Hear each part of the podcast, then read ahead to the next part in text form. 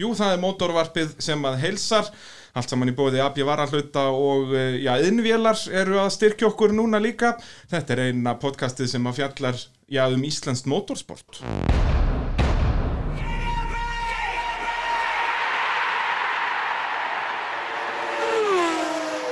Og gestir þáttarins, Áskir og Bræi. Áskir Sigursson og Bræi Guðmundsson, hvað segir þið þá? Séum bara allt fínt. Er það ekki? Afarnir. Afarnir sko, ég sé að þið fóru beint í ískapin og fengu ykkur smá afavatn Bræði, þú líka góður? Já, ég er fín. Já, já, nafnið, þú ert að sjálfsögðu bara komin í einhverja skriftir en eins og, eins og sannur aðstofur okkur maður Ég, ég er svona að taka nótur. Já, já, það er um, að- um að gera, um að gera Ég, ég þarf líka að ræta út. Já, Það þarf einhverju leiðsögn. já Og já, svona fyrir þá sem ekki vita uh, Ásker og Bræði, þið vorum Íslandsmeistarar í ralli Hvað þrjú eru röðu það ekki? Jú, sín Það tíma. er 91-23 Passar. á uh, Metro sem að þið fluttuð yngað inn sem er svona, já, sá bíl sem að kannski breytti íslenski rallsögu hvað mest Já, sérsmíðaður bíl fyrir rally. Einna 200. 1 af 200 og var í rauninni þessi bíl var smíðaður fyrir grúpu B í Já. þessa frægu grúpu B sem var já, mjög vinsæl hérna svona 82 til 86 Já, sem var svo bönnuð í hinsmeistarakeppnum sem við vorum svo sem aldrei keppi í. Nei. Og, en þá einmitt var hægt að fá svona bíla á, á já, tiltölu auðveldlega Þá fóru þessi bílar á útsölu út í Breitlandi af því að þeir, þessi versmiða smíðaði 200 stykki á meðan aðra versmiða smíðaði kannski 10 og, og eða, já, eða öllu heldur 200 sk- bara venjulega bíla til sölu til almenning sem breyttu kannski 10 sérstaklega fyrir sig til að keppa. Já. Og þannig náttúrulega, já, voru reglurnar að, að, að, það þurfti að vera svoleiðis en ekki. Já, það, það þurfti að sína fram á að, að hafa smíðað 200 bíla til þess að fá að vera með þessari B-grúpu. Akkurat, akkurat. Motorvarpið eins og það verið sagði í, í bóði AB Varahluta sjálfsögðu. AB Varahlutur hafa verið með okkur frá fyrsta degi og ef að þið eru í vandræðum með að starta bílnum á mótnana þá mælum við eindreið með GS rafgemunum þar. Það er, ef, ef það er eitthvað vandamál í frostinu eins og oft er, að þá eru A-klassa rafgemar þarna í AB Varahlutum og svo eru yðnvélar komnir í ja, ja, motorvarpsliðið og það er hægt að fá, já, yðnvélar eins og nafni gefur til kynna. Það eru betaverkværi, komper, loftpressur og Ultimaker 3D prentarar. Hvað, hva, eru þið mikið að 3D prenta, strákar? Ég veit um alltaf hvað þetta er, við erum svo gamlir maður. Þetta er, þetta er bráðsnjátt. Þegar þú varst að fara í gegnum þetta hérna, ramas hérna, dæmi þá mann ég það að það var Lúkasarafkerfi í, í metrónum. Já, Það það talið að Lúkas hefði fundið upp myrkrið. og var það svolítið rauninni á, á þessu metró að, að rafkefi var ekki... Já, það var aldrei svona, held ég, það var ekki mjög vandað. En, en bílinn þegar hann kom til landsins þá var hann einn af þessum 200 og það voru 20 sem voru sérsmíðaðir. En hann má eiginlega segja að hann hafi verið svona eiginlega tilbúin til treverk, sko, þó hann ætti að heita sérsmíðarali bíl. Já, að þetta fara í og breyta og gera alveg helling sko, við tókum okkur heldur bara heilt eitt eða tvö ár í það Já, svona eitt ár kannski mestarlega. eitt ár í það að, að taka hann í sundur og setja saman aftur og endurbæta og laga og, og við kannski förum nánar í það hér síðar í þættunum. Byrjum bara á byrjun. Þið byrjið að keppa í ralli í sömu keppni, er það ekki? Án þess að þekkjast neitt. Það passar. Er það ekki svolítið svoleiðis? Skeifuralli 1978.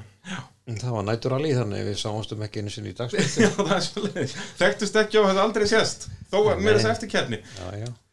Já, það var bara lagt að stað og, og hérna, þá, var nú, þá var nú bannað að skoða leiðir nema þú hefur, getur það á einu sólarhing sem var, leiðin var gefin út sólarhing fyrir start Já.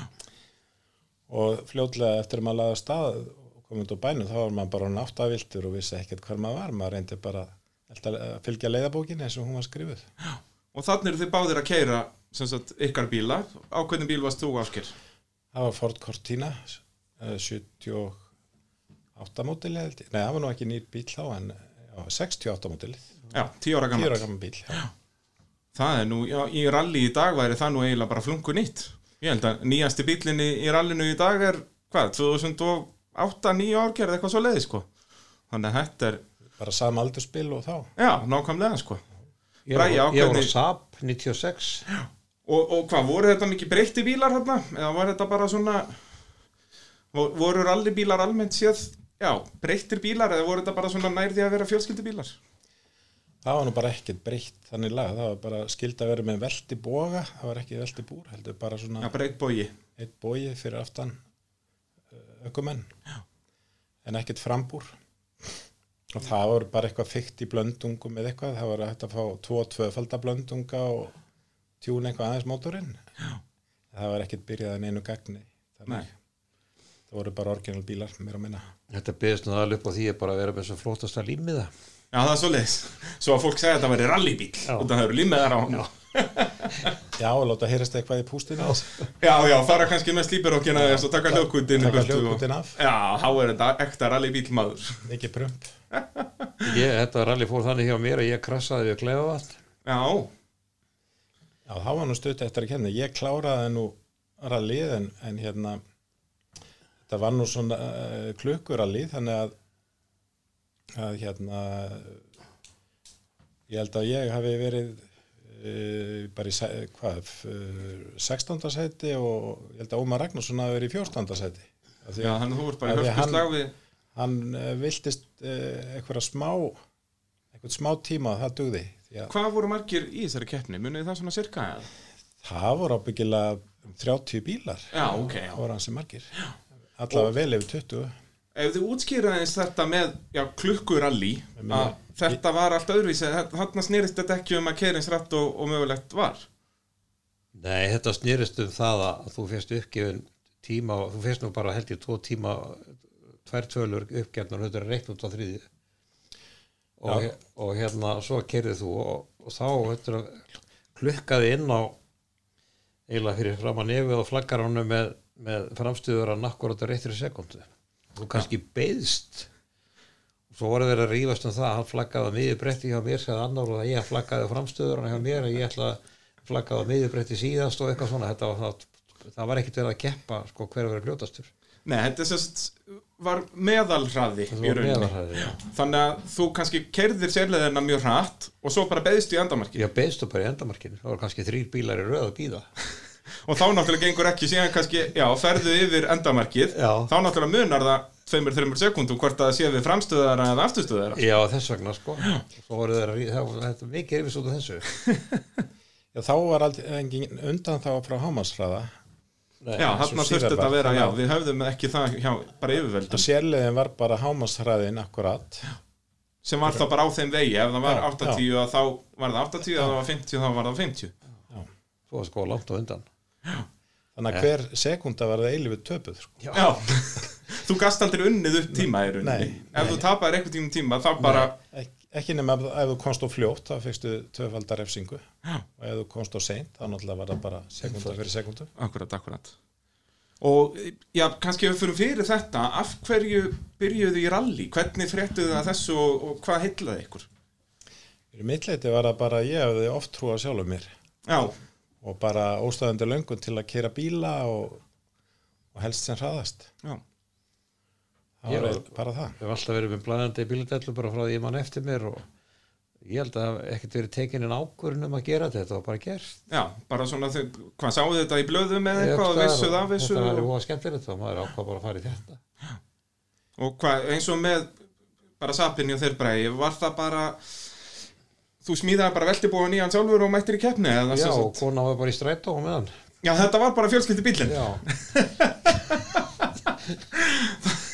og konar fór í strætó á meðan það er mjög gott og, og, hérna, og, en, en hvað, þú síðan krassaði hann að klefa vatni hvað, hvað sagði konan við því? já, hún var ekki glöð. svo þetta, svo þetta læganastur og svona svo kefti ég eh, hérna Mitsubishi Lancer sem alltaf að verða nánast eilifur í þessu. Já, það var var nú alveg svona frægur rallybíl já, Já, hann var nú lengi vel sko heimilisbílinn og rallybílinn. það er svo leið, byrjar þú á þeim bíl í, rally? Nei, ég byrja á sapinum. já, en þess að þú, ert- fyrstur á þessum landsers Ég er fyrstur á það landsir, já. Á en síðan náttúrulega fór hann alveg mannan á milli en það ekki hann í mörgum ár. Og kefti á 1980, þá fórum við hérna í fimm daga ljómarall ljómaralli, þá hérna, þá önduðum við tréðsett á já, þá, það gekk mjög vel það, Og þannig er þú ennþá að kera. þá er ég að keira og svo náttúrulega var maður alltaf annað að hugsa og, hafði því svo sem nóg annað að gera. Það var ekki fyrir en ásker reyð mig upp á raskandi nattur að ég að, eiginlega fór á stað. Þá fór ég sem aðstofurögumar Já. með, með honum Og Ég það er þarna aðeins, aðeins setna eða ekki. Jú, það er 80 og 85. 85, já. Húsavík Hvað ert þú að gera þannig millitíðin ásker frá þessu Ég- fyrsta rally 78? Næst fekk ég mér held ég bara öðruvísi fjölskyldubíl eða notaði næsta fjölskyldubíl Lö- Lada Já, hvað, hvernig landa sport?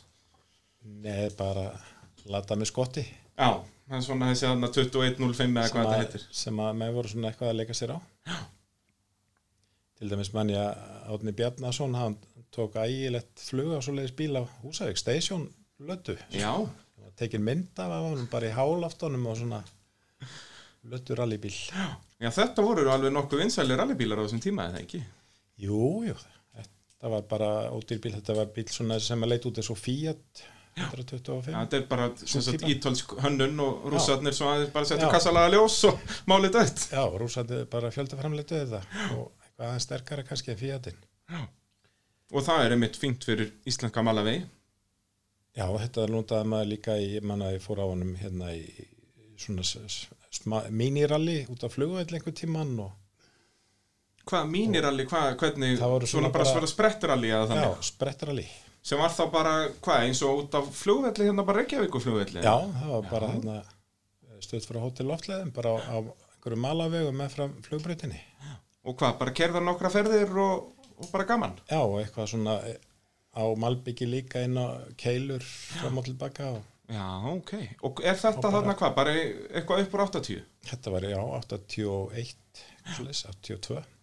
Hvenar byrjar svo þessi þróun sem sagt að við förum að sjá alveg rallybíla, fólk verður að breyta vélum annmennlega og gírkössum og, og fjöðrun og svo leiðis. Er það svona, hvað, upp Það úr voru nú 80? einhverju vestæðismenn sem að byrjuðu nú að breyta eskort held ég Já. og svo hérna Sverrir Ólafsson heitinn sem er í látin listamæður, hann kom sennilega bara með fyrsta alveg rallybíli hérna sem var svona eskort Mexiko Þá sem sagt ekki Mach 2 bílinn á, heldur. á J.O. numeri, já, þessi svona kúlulega eskort Já, já, akkurat.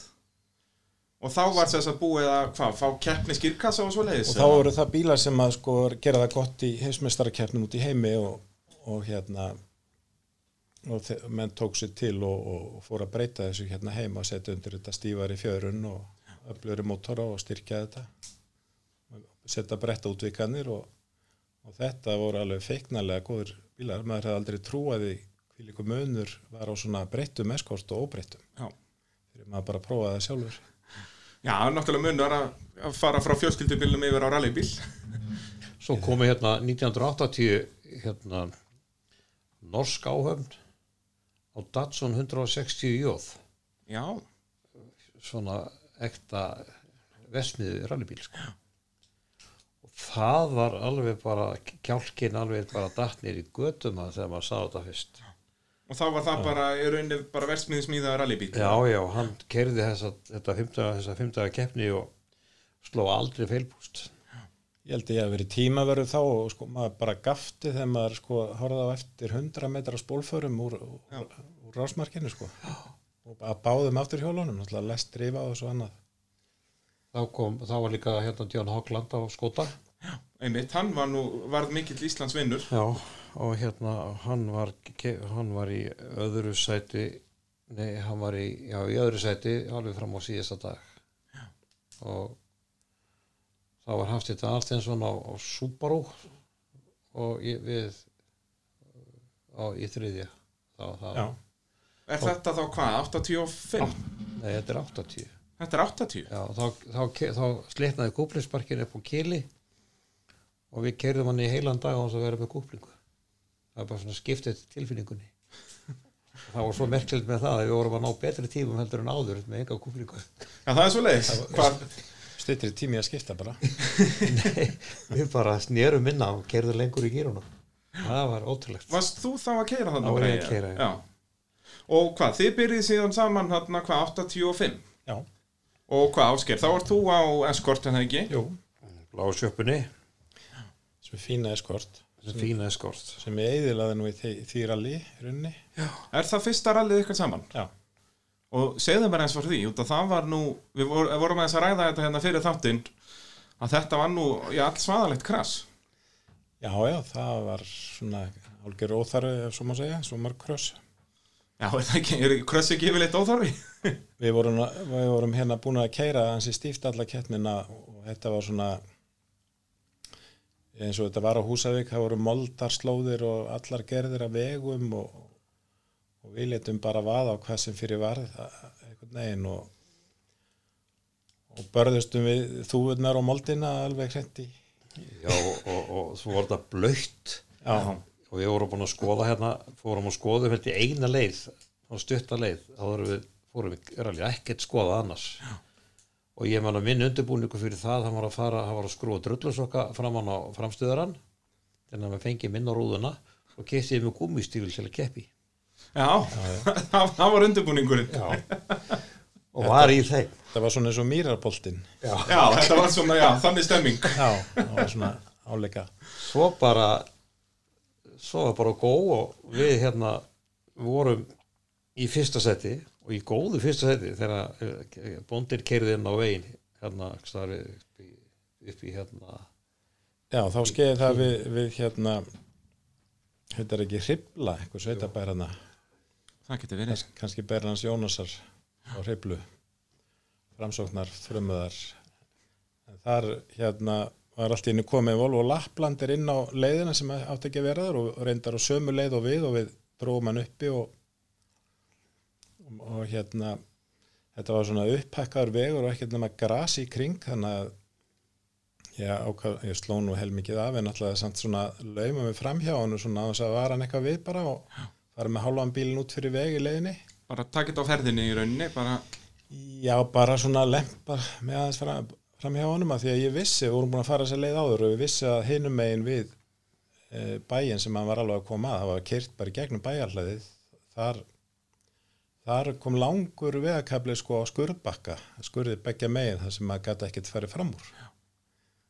En síðan bara þegar ég við hliðin á hann þá er bara eins og við keirum á jarðsprengju, þá er, þá er bara grjót þar á starfi sjónvarp sem að við bara tókum flugið af og, og sáum nú grjótið að því að það hérna losnað upp og eld okkur rúlandi líka já, það er svo leiðis, já. og svo bara ultum við og ultum og ultum og enduðum á hliðinni og svona svipa leiti og, og þessi laplandi lagði við húsið þannig að við hefðum ekki þurft hann að bara hingra aðeins fyrir aftanan og halda svo áfram að til að vinna rallið. Og hvað, heyrðu þið eitthvað tíman frá þessum bónda? Hann hefur nú vantarlega fengið smá sjokk. Þau stóðu þarna bara í hóp og horfðu á okkur og bara eins og hrættar hænur fannst okkur og með við vorum að skreiðast út úr bílnum og maður sá nú allt tvöfalt eftir höggið maður fór með honni í bringalöfi þegar bílinn fór upp og Þetta er náttúrulega lungu fyrir einhverja hálskraga eða hansbúnað eins og við notaði í dag. Og ég manni, ég var svo svektur að hérna því bílinn láði hérna hliðinni að ég losaði mig á beltinu bara og, og, sparkaði framröðin úr og, og lappaði út og, og leitt svo nefur og ég sá bara tvo skurði og allt tvöfalt bara hvert sem ég leitt. Svo sagði við þetta seg svona saman hægt og rólegar. Já, já, þetta var, já.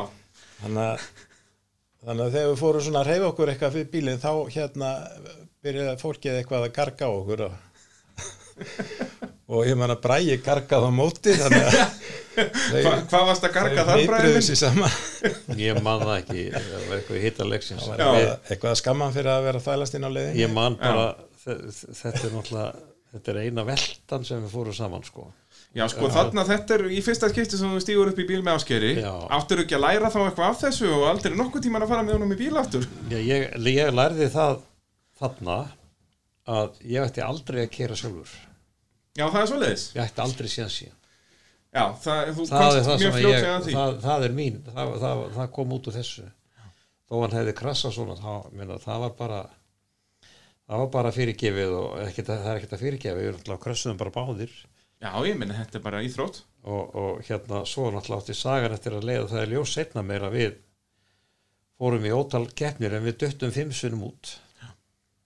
Alltaf í fyrstættinu Já, alltaf þegar þið döttuð út að þá voruð þið að leiða. Já, við höfum aldrei dottið út úr keppni öðru sem að vera fyrstir Og það var þarna í þessu ralli líka en það ekki. Þið voruð að leiða þegar þið honum. Já. já, já. Og hvað, þessi eskort, hann var bara ónýtur eða ekki, hann var aldrei reynd að gera við þannig það. það var tekið bara í parta Já, það ekki. Jú. Ég við seldum flagið til hans hérna Óla í bílbót í Keflavík Já, einmitt, sem verður svo Íslandsmeistar líka líka skort en það var, það var hægt að nota mótorinn á byggja lagi. Áfram og, og eitthvað, allavega í, í annan bíl þá. Það var tveggja litra mótor er nú góð tenging þar á milli að að hann Henning, sonur Óla, að hann lendi í mjög svipuðu krassi á, á kvalir á vatninu núna, hvað, 2016 þá er semst leiðin bara mjög þröngur malavegur og, og lúpín át um allt og hann fer aðeins út í kantinn og þar tekur við honum svona, já grjóta starfið túpu sjónvarp og það sá bíleiðilega eins líka Subaru-in sem hann var á, hann var aldrei, hann var aldrei gert hann ég gleymi því aldrei þegar við veltum hann þegar reynslu þetta gerðist allt í slow motion Já, það, ég er, er það, flest allir sem hafa oltið hafa sömu sögu að segja því og þar á meðal ég. Að þetta, mann er, finnst bara eins og allt hægist á, þá er greinlega bara adrenalínið er þannig að það, þetta bara, maður upplifir þetta svona. þetta gerist náttúrulega bara einhverjum sekundum en þegar manni finnst þetta að sé tækja heila eilíð Já, já, ég kannast við það bara frá að vissa því í raun og veru og því ég krassaði engabílnum Já, hérna 17 ára. Já. sem að kerði bara alltaf eins og hann komst. það, þannig að þú byrjaðir strax frá því og fegst bílprófið að, keira eins rætt og, hægt, og mögulega hægt var. Já, það er nú bara það sem að 17 ára krakkar gerðu og, og sjálfsagt farið flatt margir á Já, já. Uh, þið eigðileggi þennan eskort, svona rækilega, en hvað, hann stóð samt í hjólinu þegar ekki eftir þess að veltu þetta ekki? Þið náðu að draga hann í bæinn. Já, við náðum, jú, hann var dregin bara til húsavíkur Þannig að hann var nú ekki var- en það. það var hægt að stýra og já, já En já, anna, an, bodyið var náttúrulega alveg slétt ónýtt. Já, ég man að það kom högg sko hérna undir einhvern veginn undir það sem kúplingin er þannig að, ég brettist upp á tennar á mér og, og, og kúplingspetallin fór eiginlega svona yfir á bremsupetallin einhvern veginn við, við höggið sem kom að bodyið þar Þannig að þú hefur nú bara verið heppinn að missa ekki eitthvað að- tæri eða lappir. það var ekki hægt að keira hann en, en hérna já, það brotnaði allavega ekki í manni best ég veit Sem er nú ansi magnað, þetta hefur verið svakalega velta. Já, Og- fyr, það var bara fyrsta höggi var svo svakalegt sko. síðan fyr, fann maður ekkert fyrir veltónu sjálfum Nei, þeir eru að rúla bara þarna. Já, sér bara grashiminn, grashiminn margir Já. sinni, sko.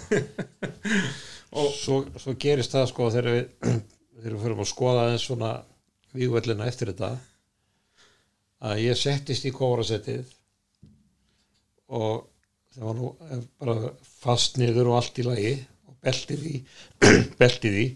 Það var ekkert að loka hurðinu því að nema það var svo brotin sko karmurinn og allt. Ég gæti valla að sitja í sætunu þegar ég lokaði hurðinu því að því að gluggakarmurinn hann svona sleikti nefið á mér. Ég skilja eiginlega ekki hvernig ég fór að þessu. Já, þetta verður svona hnífur bara beintur saman andlitið á mér þannig að það var nú ekki tæp, það var, já, mátti ekki tæpar að vera. þetta var alltaf tæpast á að því og svo var hann plexigler í glugganum sem var ekki heppilegt því það bara breytist í nýfa en Já, í staðin fyrir hérna öryggisklerið sem fer bara í litlar millisnur. já, það, þeir leta okkur samt í friði sem betur fyrr sem betur fyrir. En hvernig eins og var örgisbúnaður þarna, varu alveg keppni stólar og svoleiðis í bílnum, eða voru þetta ennþá bara orginal, já, það var allt keppnis það voru keppnistólar og, og, og, og, við vorum með fjárapúnta belti og náttúrulega hjálma og, já, já. og bílum var greiðarlega sterkur Já, hann var búið að sjóða hann allan upp og svoleiðis. svo var bara, svo var bara gott ball um kvöldið og súsan í baðinu Já, og smá strengir daginn eftir. já, er nokkru streng eh, bara, já, einhver 2-3 ári í hálsinum eftir þetta sko Já, það er svoleiðis, þú fannst alveg fyrir þessu þarna. Já, ef maður svona satt og horfði niður þá fekk maður svona seiðin kynna aftur í svo er það löngu löngu farið þetta var svo svakalegt sko ferðalega hausnum niður á bringu því Já. að skrokkurinn bara tólli kjur en hausin verður bara einhvern veginn eftir kýlist á Já. móti högginu Og náttúrulega með hjálminn og ná líka, sko, það þingir hausinn. já, þess vegna þarf náttúrulega helst að vera með hálskræðar það er ekki komið Já, núna er komin með sko regla með að það verður að vera svo kallar hansbúnaður sem er þá svona sem að þú setur á axlirnar á þér úr, úr Já. carbon fiber eða svona trefjaplasti á og tengir við hjálminn. Þannig að þú Já. getur ekki farið neitt fram bara eins og var byrjað með í Formule 1 fyrir einhverjum 20 árum eða eitthvað. Ma, maður hefði þurft dimmið svo leiðist til Já, þá hefðu þið aldrei fundið fyrir þessu, Ég held ég að ég geti bara lofað Ég ykkur. maður hefur bara verið aði komin að hálsbrotna Við vorum með hálskraga sko síðustu árin. Já, þannig bara svona vennulegu hérna, já, Já, sem já. að klæðis í. Uh, hvað er svo næst eftir þetta stóra kræs? Hvenær keppið þið næst og á hvaða bíl? Farið þið á, hvað, það- næst? Toyota. Ég held að við hefum bara tekið já, það var ekkert meira þetta árið síðan hérna síðan hérna egnuðust við Toyotunu sem að Hjörleifur smíðaði Tótuna frægu. Toyotuna, já. sem var mjög góð bíl Já, þið eru á honum alveg í hvað, 2-3 ár? hann var raun og veru svipaður eskortin með öllu leiti nema stýri var ónákvæmara Já, Því og hann, enga bremsur það voru litla Við- bremsur það voru svakalega litla bremsur á það er svoleiðis. Og var ekkert þetta að gera í því að, að kaupa einhverjar keppnisbremsur? eða? það, það var aldrei almennilega bremsur á honum Nei, það var nú kannski eitthvað líka á eskortinum eitthvað misjant sko það voru nú til dæmis bremsuborðar á aftan. á eskort Á Escort? það voru ekki diskar Það er svoleiðis. Já, já. Var það líka þannig á tótunni? já, já, held ég ég held að það veri svo leiðis já Það er störlu staðrind. Ég kefti síðast á þessum bíl í keppni. Tótunni. Já, það er ennþá til Já, já, það er hann Sigmundur Guðnason á þennan bíl í, í hverja gerði. En þá eftir að gera hann upp, hann er ekki, ekki í góðu standi. Nei, Keftum síðast á hann við bræðurnir 2009 eitthvað svo leiðis. Já. Í einmitt svona sprettralli. já, Það var bara hérna niður á, niður á höfni einhver staðar. En uh, já, þið keppið og þar byrjið þið nú að vinna keppnir og svo leiðis á þessari Toyota, eða ekki? ég tókst okkur það nokkuð tíman Er Nei, það? við, við döttum bara út við, Já, um leið og komist í fyrsta setja það döttuð út. já, við döttum einu sinni upp á Kaldadal. Já, það var alveg, það var svakaritt alveg. Það var svona næst það vestakrassi var hálf leiðilegt veður allavega. Já, það er vittlis, veður og við vorum alveg búin að kortleggja þessa leið og, og keirðum þetta alveg eins og við þorðum og gátum. Svo allt í einu bara upp á, stað, lengst upp á Kaldadal þá bara allt í einu gerðist eitthvað og við bara fórum bara beinustulega út að ég held að hafa brotna felga eða eitthvað sko. Nei, það, sem, það sem skeiði ábyggilega var það að ég fann að kom pínulítið högg á, á hjólið að þegar maður var svona að fara innanlega í beigur ég hugsaði með mér það er best að hérna fara nú ekki að keira eitthvað grjót og sprengja og þetta var svona að fara að halla niður maður komin yfir háhæðina. Og svo bara þegar ég ætla að fara að taka næstu beigju þá gerist ekkert, þá er sprungið ábyggilega af því að það er nartað í dekkið og þarna stein og, eða dekkið í stein og sprengt það. Þannig að það var bara að fara beint af augum út í urðina.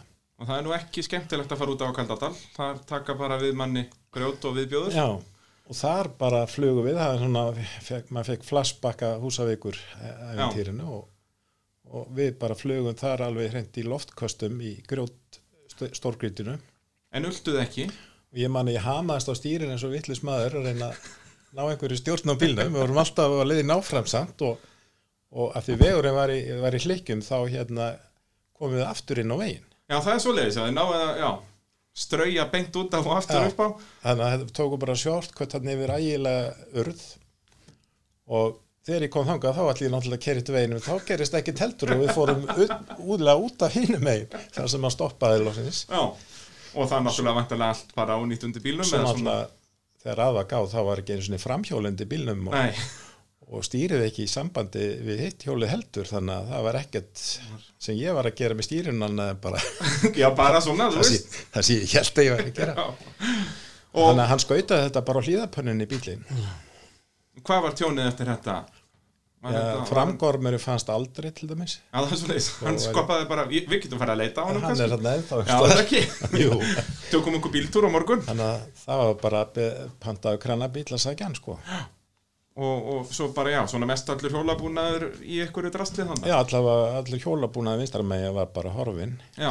þetta er 80 og hvað Er þetta ekki, hvað, Átta- við- sjö? 87 voru við á honum já, og ég held bara á 88 þá hérna þarna hættur nú í, í hitt skiptið allavega eða eitt skiptið Já, í, annars skiptið, er það já. Já. Þú varst ekkert mjög duglegur í það að hætta, þess að þú gerði það oft, en stóðst ekki oft það. var ég hætti, þetta var bara orðið Já, já, tekur var ekki allt þátt annað í að gera.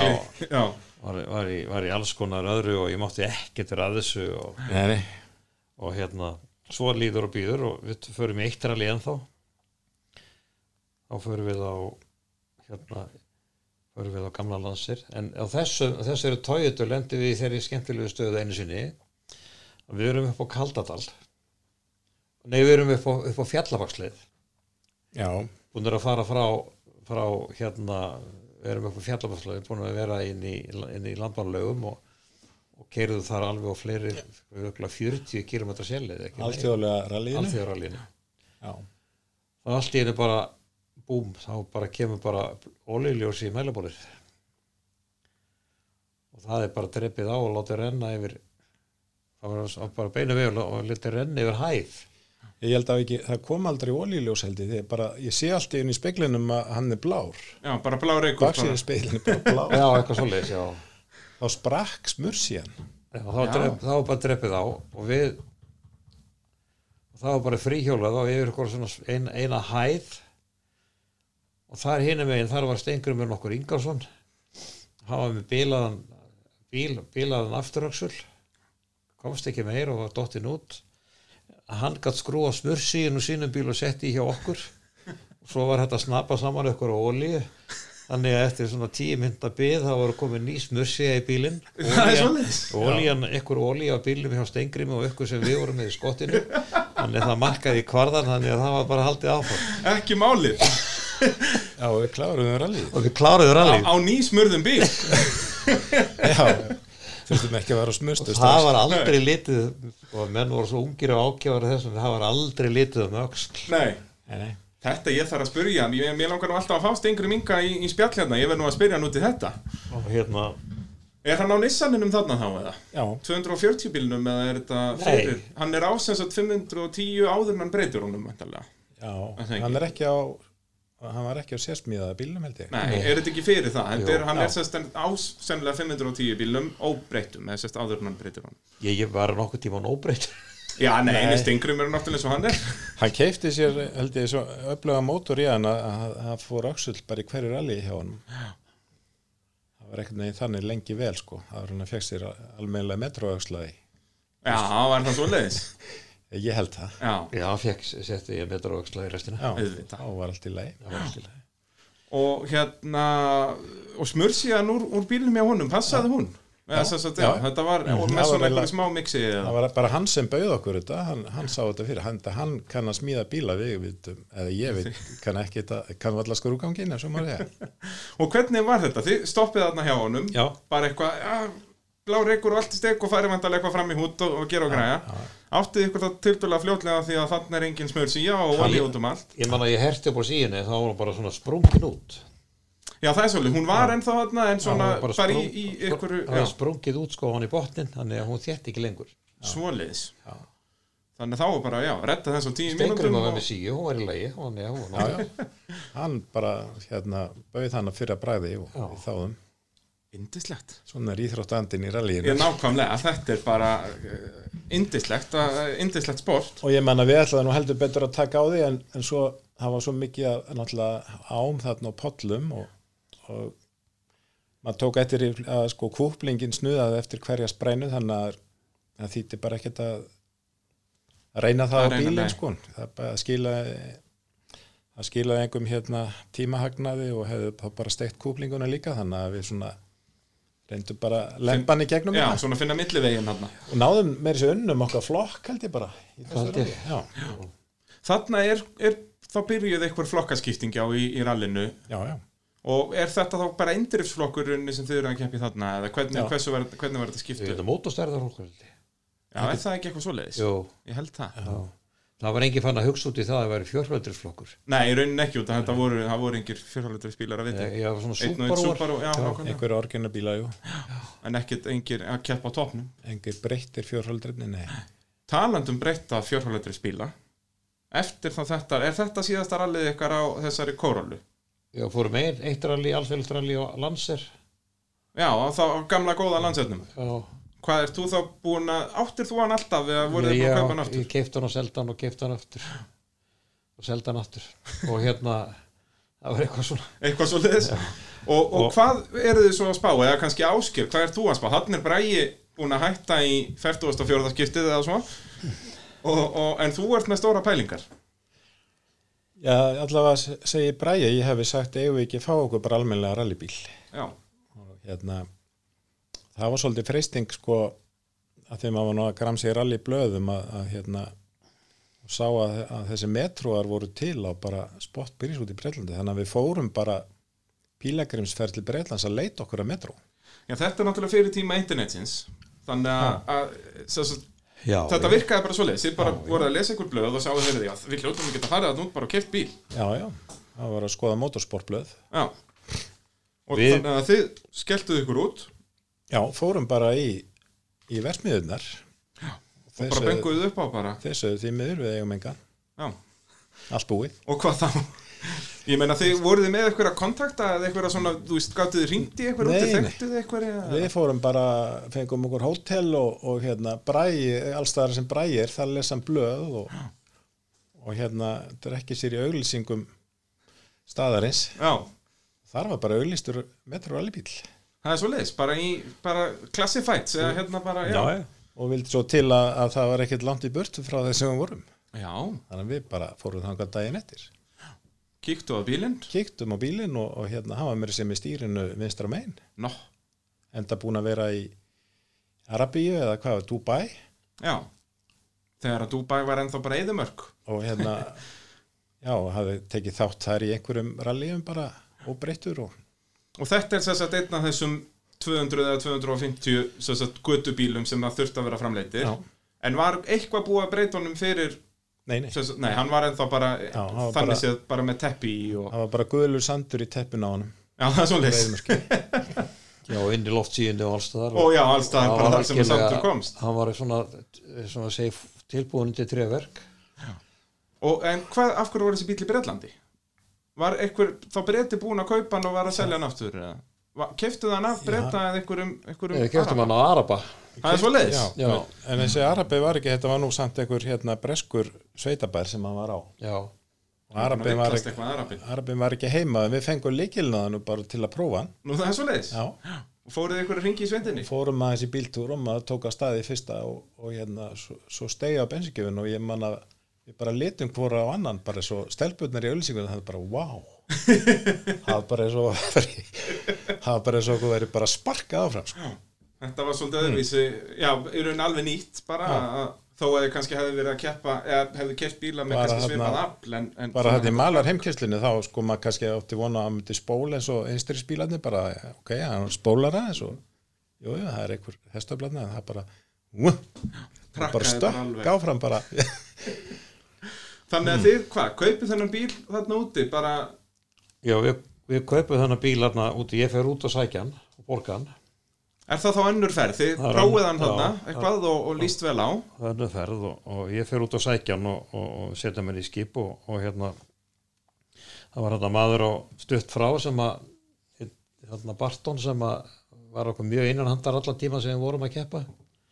Við keftum til dæmis að hann var, hann var að keppa á metro Það er svo leiðis Já, við keftum að varum öll dekk öll maladekk og allt sem að við gáttum notað og fullt af varahlutum og dóti já, það voru svolítið dekkja vandræðum að því að þetta er hérna 15 og kvartóma sem felgurnar já. 390 mm hölgur. Og ég bara stað sem enginn er að framlega dekka á. Nei, þannig að við komumstum bara í gamla lagar af dekkjum og já, já, sem að þið notuðu þá öll að sjá áttum mér ennur aldrei ný dekk undir hann. En af hverju var ekki hægt að setja ykkur aðra felgur undir þetta? jú, jú, Þið nettu því bara ekki. Fínt að vera á þessum gömlu við dekkjum. áttum slatta af helgum í þessu og, Já, og þetta var náttúrulega borgaði sér bara ekkert að vera það vil að stundu gleymast sko í þessari umræðu allir saman að þessi, þessi metro rallybíl og allt þetta dæmi var eiginlega gert bara í gegnum sko heimilisbókaldi hjá okkur. Já, það er einmitt sko, nú skulum við bara hlusta á, á smá viðtal sem er þá tekið, hér eru þið bara í hlaðinu á Altanesinu sínist mér og, og bílinn alveg ómertur þarna í bakgrunn og, og Birgir Þó Bragason er, að- er að spyrja ykkur þarna að þetta er sérst fyrir tímabilið 89 er það ekki? Nei, 90, 90 já, fyrir tímabilið 90 Og- Gísli Sigursson og Bræði Guðmundsson hafa lagt nótt við 19 dag í 2,5 ár að safna peningum fyrir þessum bíl sem við sjáum hér fyrir aftan. Hvernig hefur gengið? Þetta gengi hægt og rólega, nörglega. Egið hann skuldlausan? Já, svo til. Megum við fá að vita hvað hann kostar? Nei. Ég hugsi að, að, að eigandað góðum íslenskum graðfóla vildi ekki skipta á slett og öfugt. Nei. Þó að þið hafið fleiri hesta. Já, við höfum svona eitt stóð í skottinu. Hvað er hann mörg hestafl þessi bíl? Hann er svona innan leifilegra marka sem eru 300 hestur. Allt mjög pólitíst hjá okkur hérna. Já. Má ég það spurja, hvað kostaði bílinn? Ég held að hann hafi kostað eh, 2 miljónir hér upp á staði. Við keiftum hann á líklega á 2000 pund er þá, sem að var innan við 1 miljón. Síðan eittu við öðru eins í að, að, hérna, að senda mótorinn út og láta mótifæja hann að því að var svona ákveðin gall í þeim varandi tímarimar. Já, já. Þá í leiðinni var hann bara gerður upp og, og sendur heim aftur og, og það kostaði bara annað eins og pílinn sem hann á.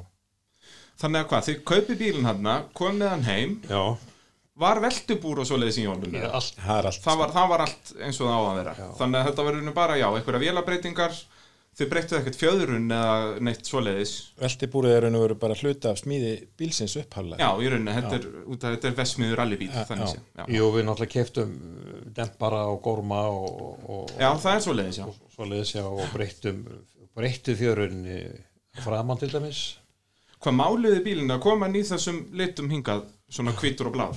Kom svona hvítur og svo máluði við hann Það var alveg hvítur. Hann var alveg hvítur, Já. já. Mál, þið máliði hann í þessum, var þetta ekki vesmiður litirnir hjá Róver þegar þeir voru að keppa? þetta var bara sérlitinir Já, við vorum ekki byrjaðir sjálf þá. Nei, þarna, nei, þið byrjið, já. ég held að þetta séu bara þess að versmiður litirnir þegar að Róver Já, var að, já, já. hann 86. Já, já.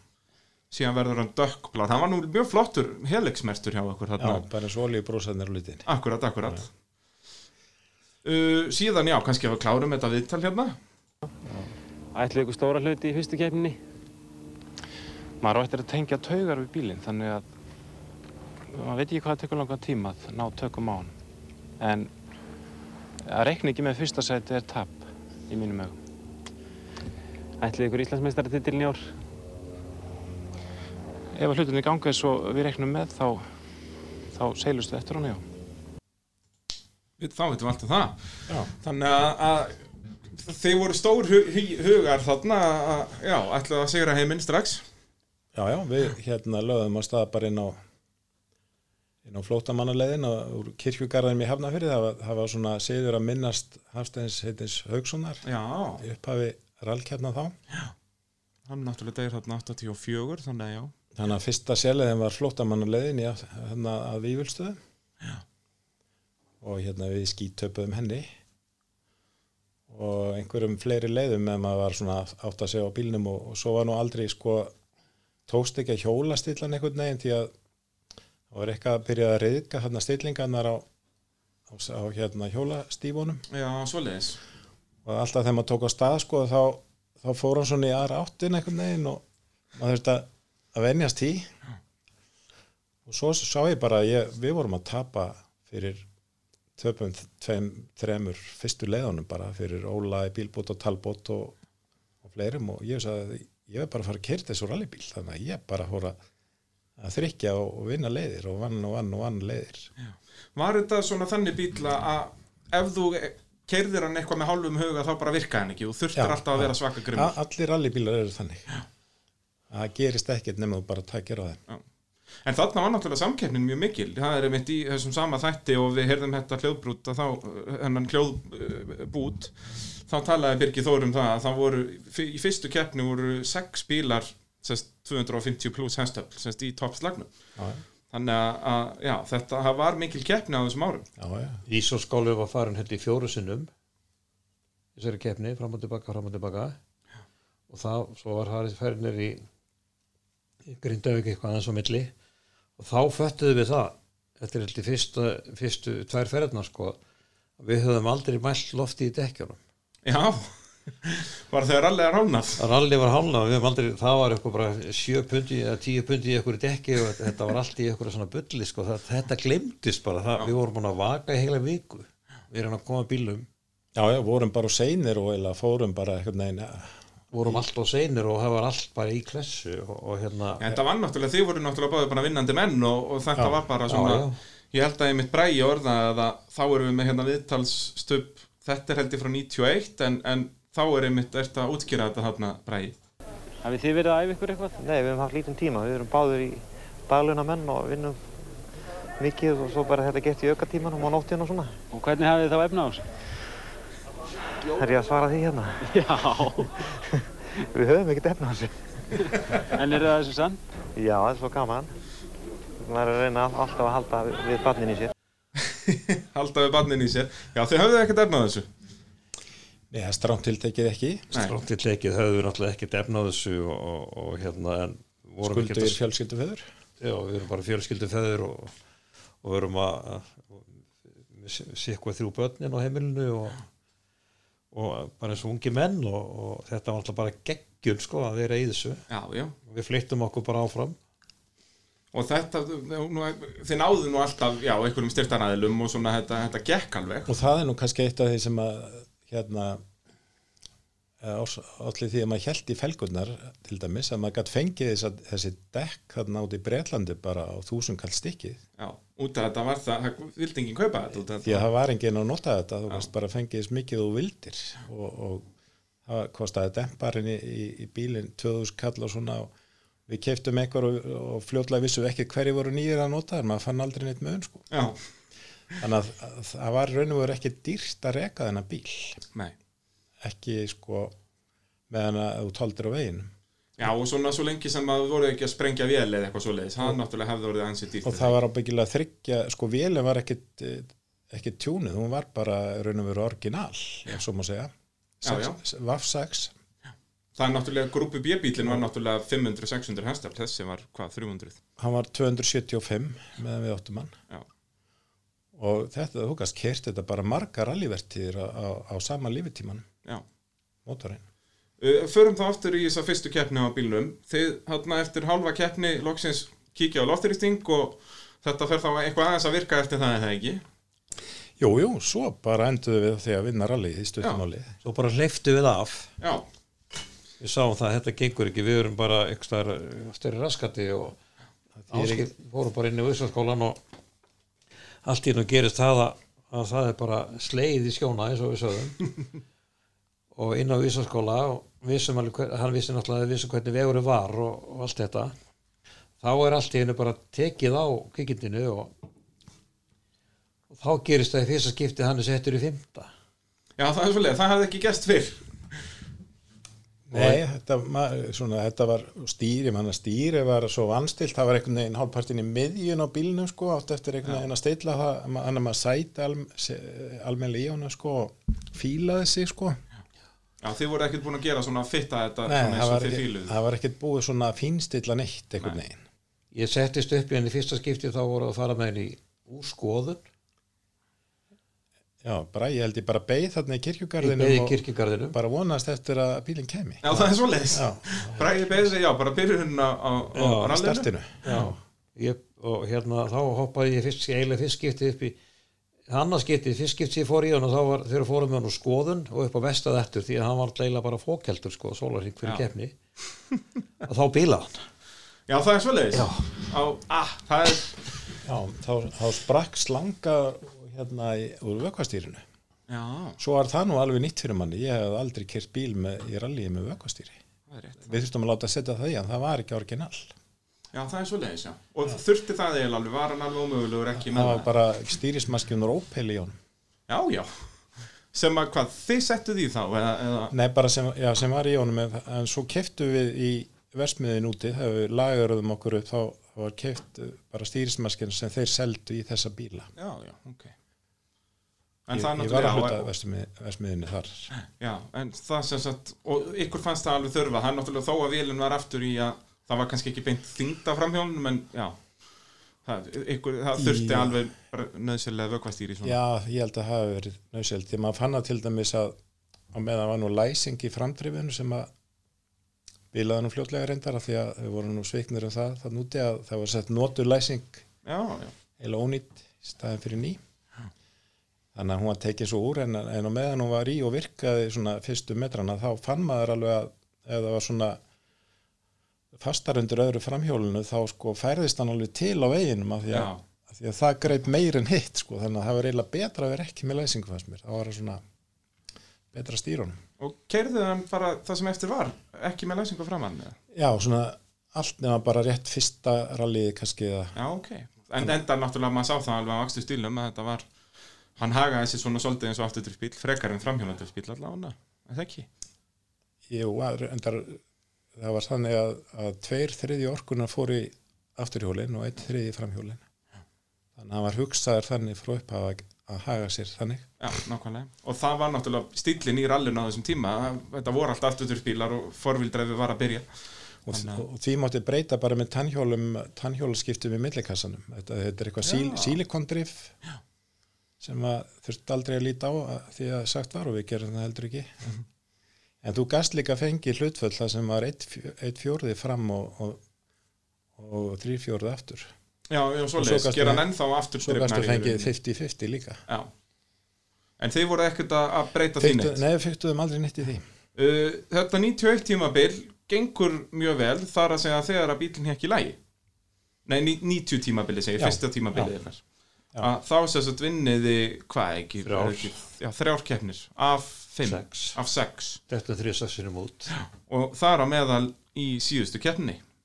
Já, það er, það er náttúrulega svo sem að mann best. Já, Já, kannski óvæntast að hérna hérna útdettið var hérna fyrir norðan á, bara á ferjuleið já það er. Á, í þá var- skagaferðinum. Já, það var keft, eh, við fórum yfir, yfir kjöl í nokkrum sérleðum og, og ralliði var bæði sunnarlands og norðarlands, sama rallið. Og svo bara á einnig ferjuleiðinni þá var bara eins og þessi svissað á honum. Já, og þá bara eh, fór hann yfir á tíma allt í einu.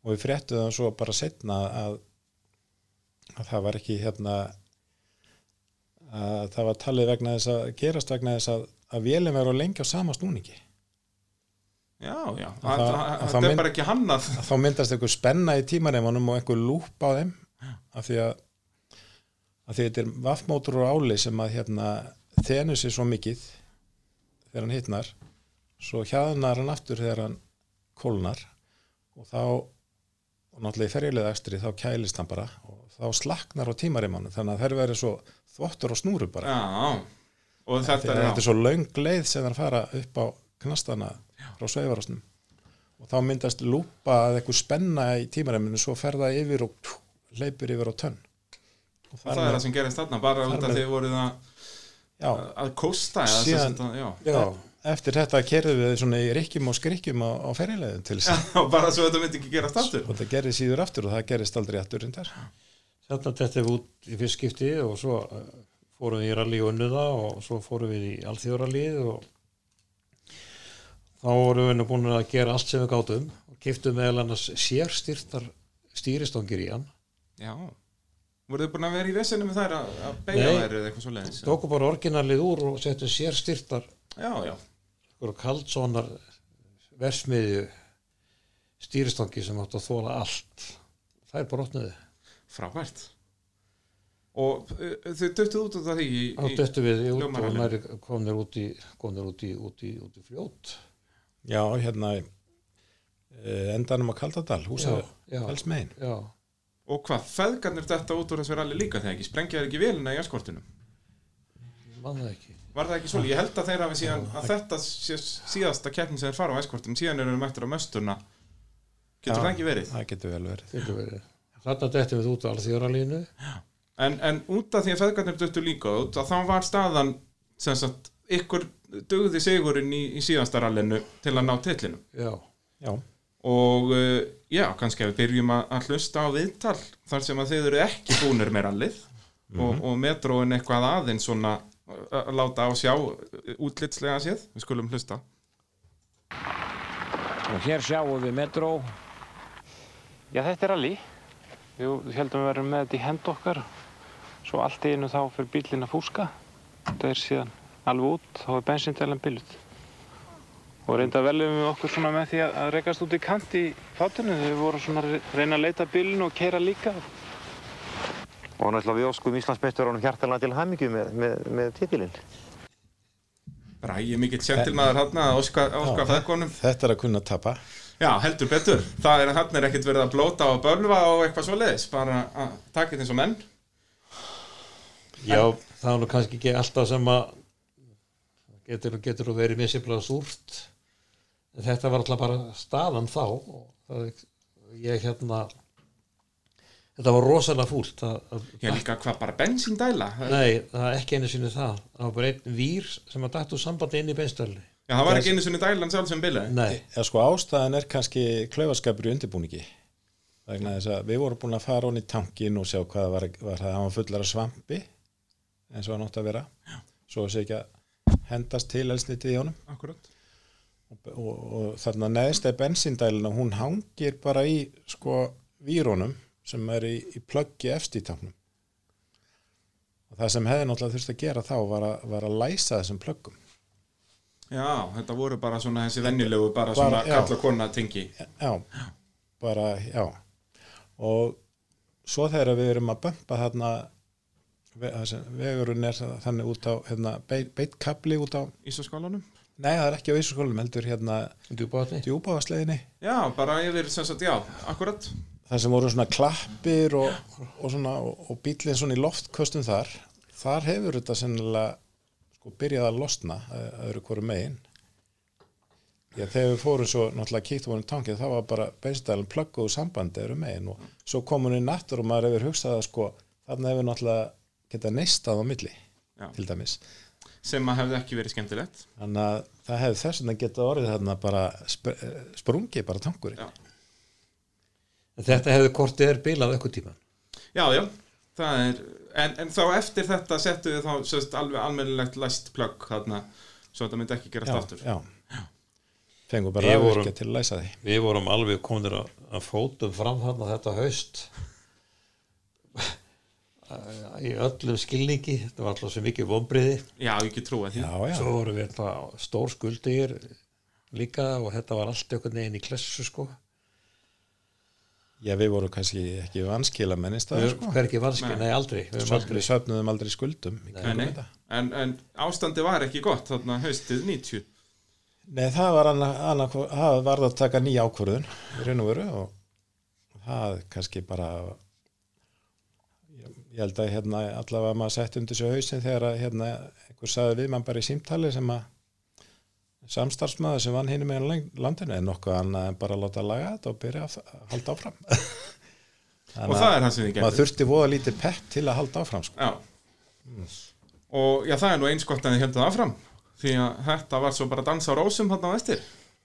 Já, svo gekk þetta bara glimrandi vel eftir það. Þá eru sko barnasjúkdómatir farður úr bílum við erum sjálfsög öryggið er komið naldið og þeir náttúrulega fa- kunna vel á bílinn þarna alveg. Við þetta var eiginlega gott að fá svona smára sell upp á, upp á framhaldið fyrir okkur. Já, ég meina, lærðu þið ekki hellinga af þessu? Bara sem sagt svona andlega? og hérna Við vorum ekki dóvenir að tapa þannig að við vorum í þjálfun. Ha, og, og þarna var sko fymta skiptið sem við duttum út saman og það var alltaf í fyrst skiptið. Alltaf, alltaf í, í fórustunni? síðan tekur við þessi, þessi hérna kapli að við förum að keira og, og, og vinna. Og, og það gekk ótrúlega vel. Þá eru þið farnir að kenna feðgunum hvernig á að tapa en ekki öfugt.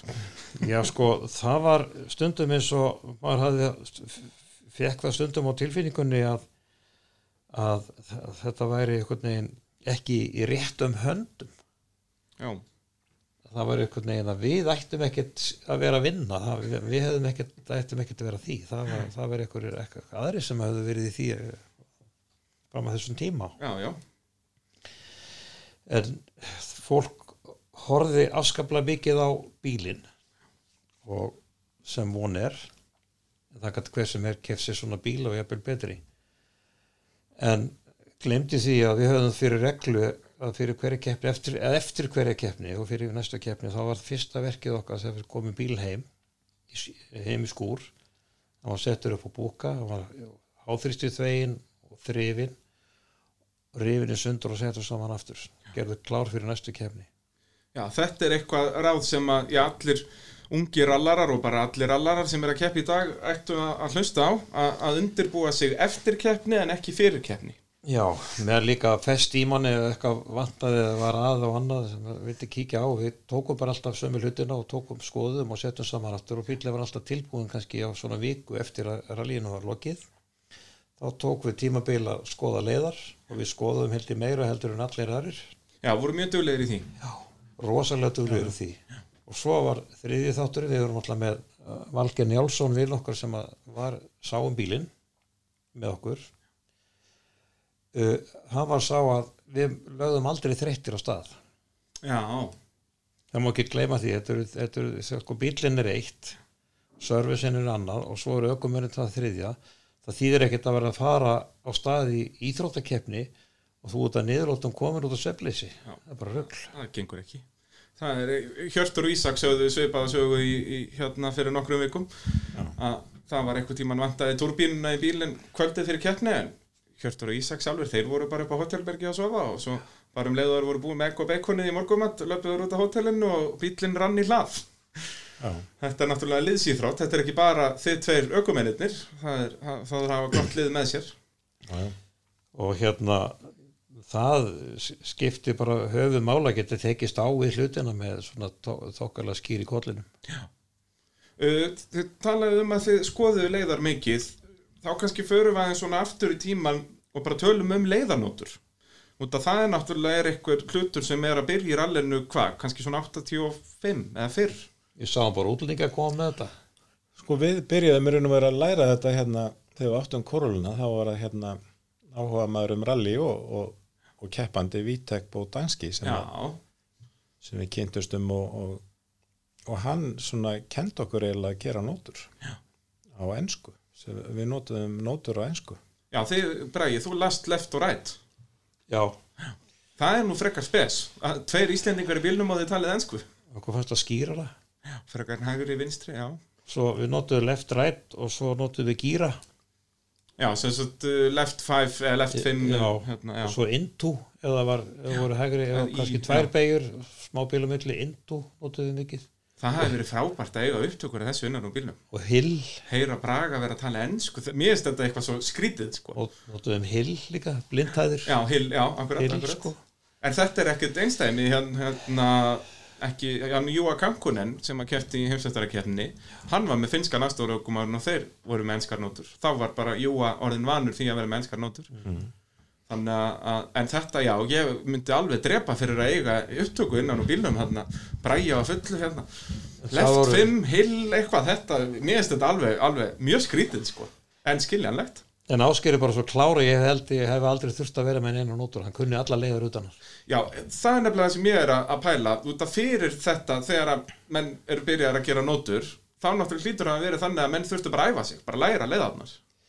Já, það náttúrulega endar með því að maður kann leðarnar þegar maður er búin að keira í mörgum keppnum. En, en þegar vorum að gera þessar nótur þá fyrst var það þannig að hérna Bragi gerði bara nóturnar og, og, og ég kerði og reyndi að læra leiðina og svo, svo fannst ma- manni það ekki virka nógu vel þannig að þetta bara smell virkaði þegar að semst, ég sagði honum hvernig nótan að vera Já. eins og ég Já, þetta byrjaði þetta þannig að, að Bræi var bara að skrifa niður Já. Já, og það er raun og veru hérna ekkit upp ökumæður verður að segja hvað hann er tilbúin í já, já og hérna þegar nóturnar eru gerðar upphálega þegar það er verið að skoða leiðir og það, Svo- þannig gera þetta allir í dag sko. svo, svo var maður að lesa og, og, og hann að keira og svo allt í hennu settu mínus þá var kannski, var nú aðeins og röð. Já, því að það er svo náttúrulega maður þarf líka að vita sko hérna upp og niður. Já. eins og til dæmis að, að Reykjanesi er, er svona trikk í leið þar sem þú erst allt í hennu bara í loftinu og veist ekki hvernig þú lendir. Þannig að, þannig að það er hérna alveg sérst, sérstök tækni bara að læra að, til þess að komast hratt á því sko, týn ekki bara veginum undan sér einhverstaðar já, já, já, já. Hva, já Plus og mínus notuðu það fyrir þá hraða eða sem sagt eða, Já, þá, þá er raun og veru mínus því að þú hérna heldur aftur að þér frekar í já, akkurat, bara svona eins og bara kér eða já, svona, já. í raun og veru. Svo notaði maður líka sko svona don't cut. Já, já, akkurat, alls konar svona lýsingarorð í rauninni. Það bara svona auka en annars voru þetta aðalega bara vegalengdur og kýrar bara 103 og Akkurat gýrar fyrir beigina sko, þú tókst hann í þessum gýr síðan þegar maður kunnorði leðarnar og var kannski koni krappan dans þá kom fyrir að maður svona sér hafa það að fara í næsta gýr fyrir ofan. Já. Uh, og eru þið svona fyrstir, hann náttúrulega Vítek kemur með þetta hérna, Vítek náttúrulega bara góðsögn í íslensku ralli, búin að vera að keppa heil lengi. Og, og já, er það svona hann sem kemur aðalega með þetta, voru, voru minn byrjaðir fyrir þetta? Og hvenar, já, þetta, þið byrjið á þess á kórólinu þarna svona hvað, 87 cirka. 86 Ég meni, ég prófaði þetta þegar ég var að kóa hjá Loga og við komumstum aldrei upp á lag með að gera hvernig þá, þú veist, hvað, hvað fór sagt, af hverju virkaði það ekki? við bara einhvern veginn eh, gáum okkur aldrei tíma eða fundum aldrei sko kerfi sem einhvern veginn við gátum hérna stólað á að skila okkur eitthvað voru þið þá bara svona búið þetta til í rauninni fyrir ykkur, þið höfðuð ekkert Já. eitthvað svona við höfðum enga fyrirmynd. Nei, já, nákvæmlega, þá er þetta náttúrulega ansið strempið að reyna að finna bara upp já, kerfið. Já. já, það er kannski getur hver fundið upp sitt kerfið? Þannig þarf þá bara finna tími í það og æfa sig í því helling og hana og við Já, þurftum það svo sem. Já, já, algjörlega, algjörlega. Og þið náttúrulega byrjuð að nota þetta svona alveg á fullu uh, með metróin. Eittu náttúrulega markvælt meiri tími að skoða heldur en að, að keira Já, já, já, algjörlega, ég myndi þá kannski var sérleitt kerið einu sinni í ralli en þið kannski leiða sko þannig fjóru, fimm sinnum. Já, þó eittum aðinni nótutur og allt sem að það var kannski farið þrís og fjóru sinni spati að skoðan og það var sumstæði sem við vorum náttúrulega orðir alveg kolurglaði sko. Við stoppuðu jafnvel og vorum að týna svona nipp úr kantinum og Já, tína grjóð, já, akkurat, akkurat.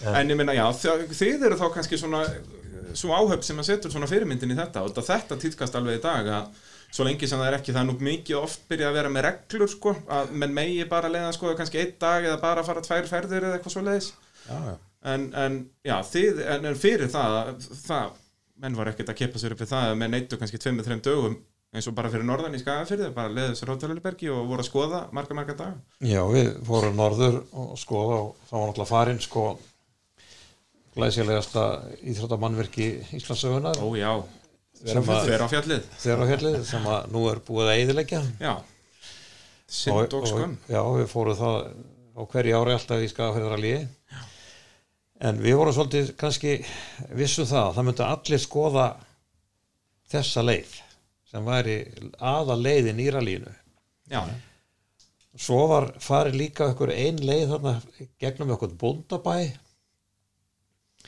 og hún var kannski tveir kilómetrar eitthvað svolítið já örstutt. Örstutt, þá við þurfum að opna eitthvað hlið og keirin og eitthvað tún og til að fara að skoða hana. til að fara að skoða hana. Já, og þetta opna eitthvað hlið og keiri gegnum eitthvað tún og opna svo eitthvað annar hlið og svo er eitthvað, eitthvað lækur og eitthvað bæjalað og eitthvað eina eða þar beigur og, og eitthvað einblindtæð og eitthvað.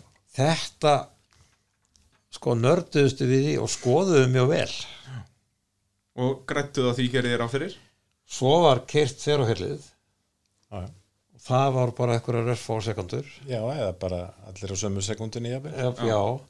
svo kemur allt í þessi leið sem við einir kunnum og ég man að við tókum 20 sekundur á henni Já. Og samt voru þetta hvað, 2-3 kilometrar? Já, þetta bara gegnum, gegnum eitt bæjarhlaðláðið. Já. Og það, þetta er nefnilega magnað, þú veist, eins og þverrafjallið, hvað, 20 kilometrar pluss Já, allir sko Allir bara sömu sekundulöku við Já, Svo kemur einhver mikka, mikka múslið þarna og er askellið þá Já, já, að- það er þar sem þú getur grætt, sko, að- það sem að hraðin er lítill en, en þú getur fyrir hratt. Já. Það sem, það sem er lítið grip og svona þú þorir ekkert að gera og veist ekki hvað kemur næst og ef þú veist það, að leggja þetta allt niður, þá, þá græðir. þarna nörduðustu við alveg í þessu. Þa, þeir eru ekki glaðir. Nei, ég get trúa því að hérna Stengrimur Inga og Jón Ragnars og fleiri þannig að hafa ekkert verið sérstaklega ánæðir þannig að við svo sem settum okkur kannski í þá stöðu að að vera með góðan bíl og vera sjálfur alltaf vel undirbúinir og gera þetta vel. Við gerðum þetta eins vel eins og við gátum og náttúrulega uppskárum eftir því. Já, þið, þið náttúrulega endið á að vinna bara allt silfrið til eignar í rauninni. Þarna voru svona reglur að það voru eiginlega farandbyggar í öllum keppnum með það ekki? Þannig að þau unnu að þrísfæri rauð þá unnuði byggarinn til eignar. Já, það var miskosti hérna, miskosti endaði þannig með Íslandsmeistarabyggar en þarna, við unnum hann til þjóður alveg spikarinn við unnum allar keppnir þrísari röð minnskosti Já, og, tókum allt silfrið úr umferð já, enda bara, það er þið þurftu að kaupa ykkur sér bara bílskúra fyrir alla byggarana en nú er það bara í kössum upp á álofti. Nei, hvistlag sem ég lærði þetta. Það, það gengur ekki. Þá þarf að opna motorsport safna á Íslandi og setja þetta þangað, en það ekki? Já, ég kom nú allir mínu í hendurnar á, á mönnur sem að ég ætla hérna, vonast til að Já, er það? Fram, er það? fram, framlengdu að þangað einhvern tíma. Það Guðni hérna, Þorbjós og félagar? Nei, það eru hérna e, Þóruður og, og, og Tóni og bílaspítalinn Já, er, eru þeir með, með allt klingrið? þeir eru með allt Allt, allt silfrið? og- Klingið. Já, já, ok, það er frábært Þannig að það er hérna vonandi fer þetta á góðan stað það, Ég veit að það er einhverja pælingar með svona motorsport já, sko. Það, þarf bara að fara að koma því í verkið Þannig að þið þarna, já, eftir 93 tímabilið eru þið búin að vinna allt þrísvað sinnum Já. og hvað, vildu kalla þetta gott svona þannig séð?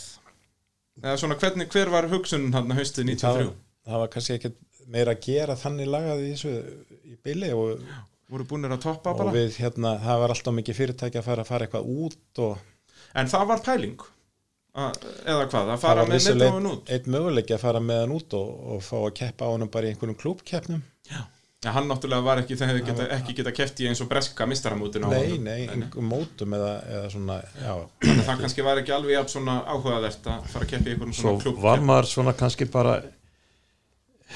uh, líka orðin sattur þetta var orðið ágætt eins og áskil segið það var alltaf sama liðið.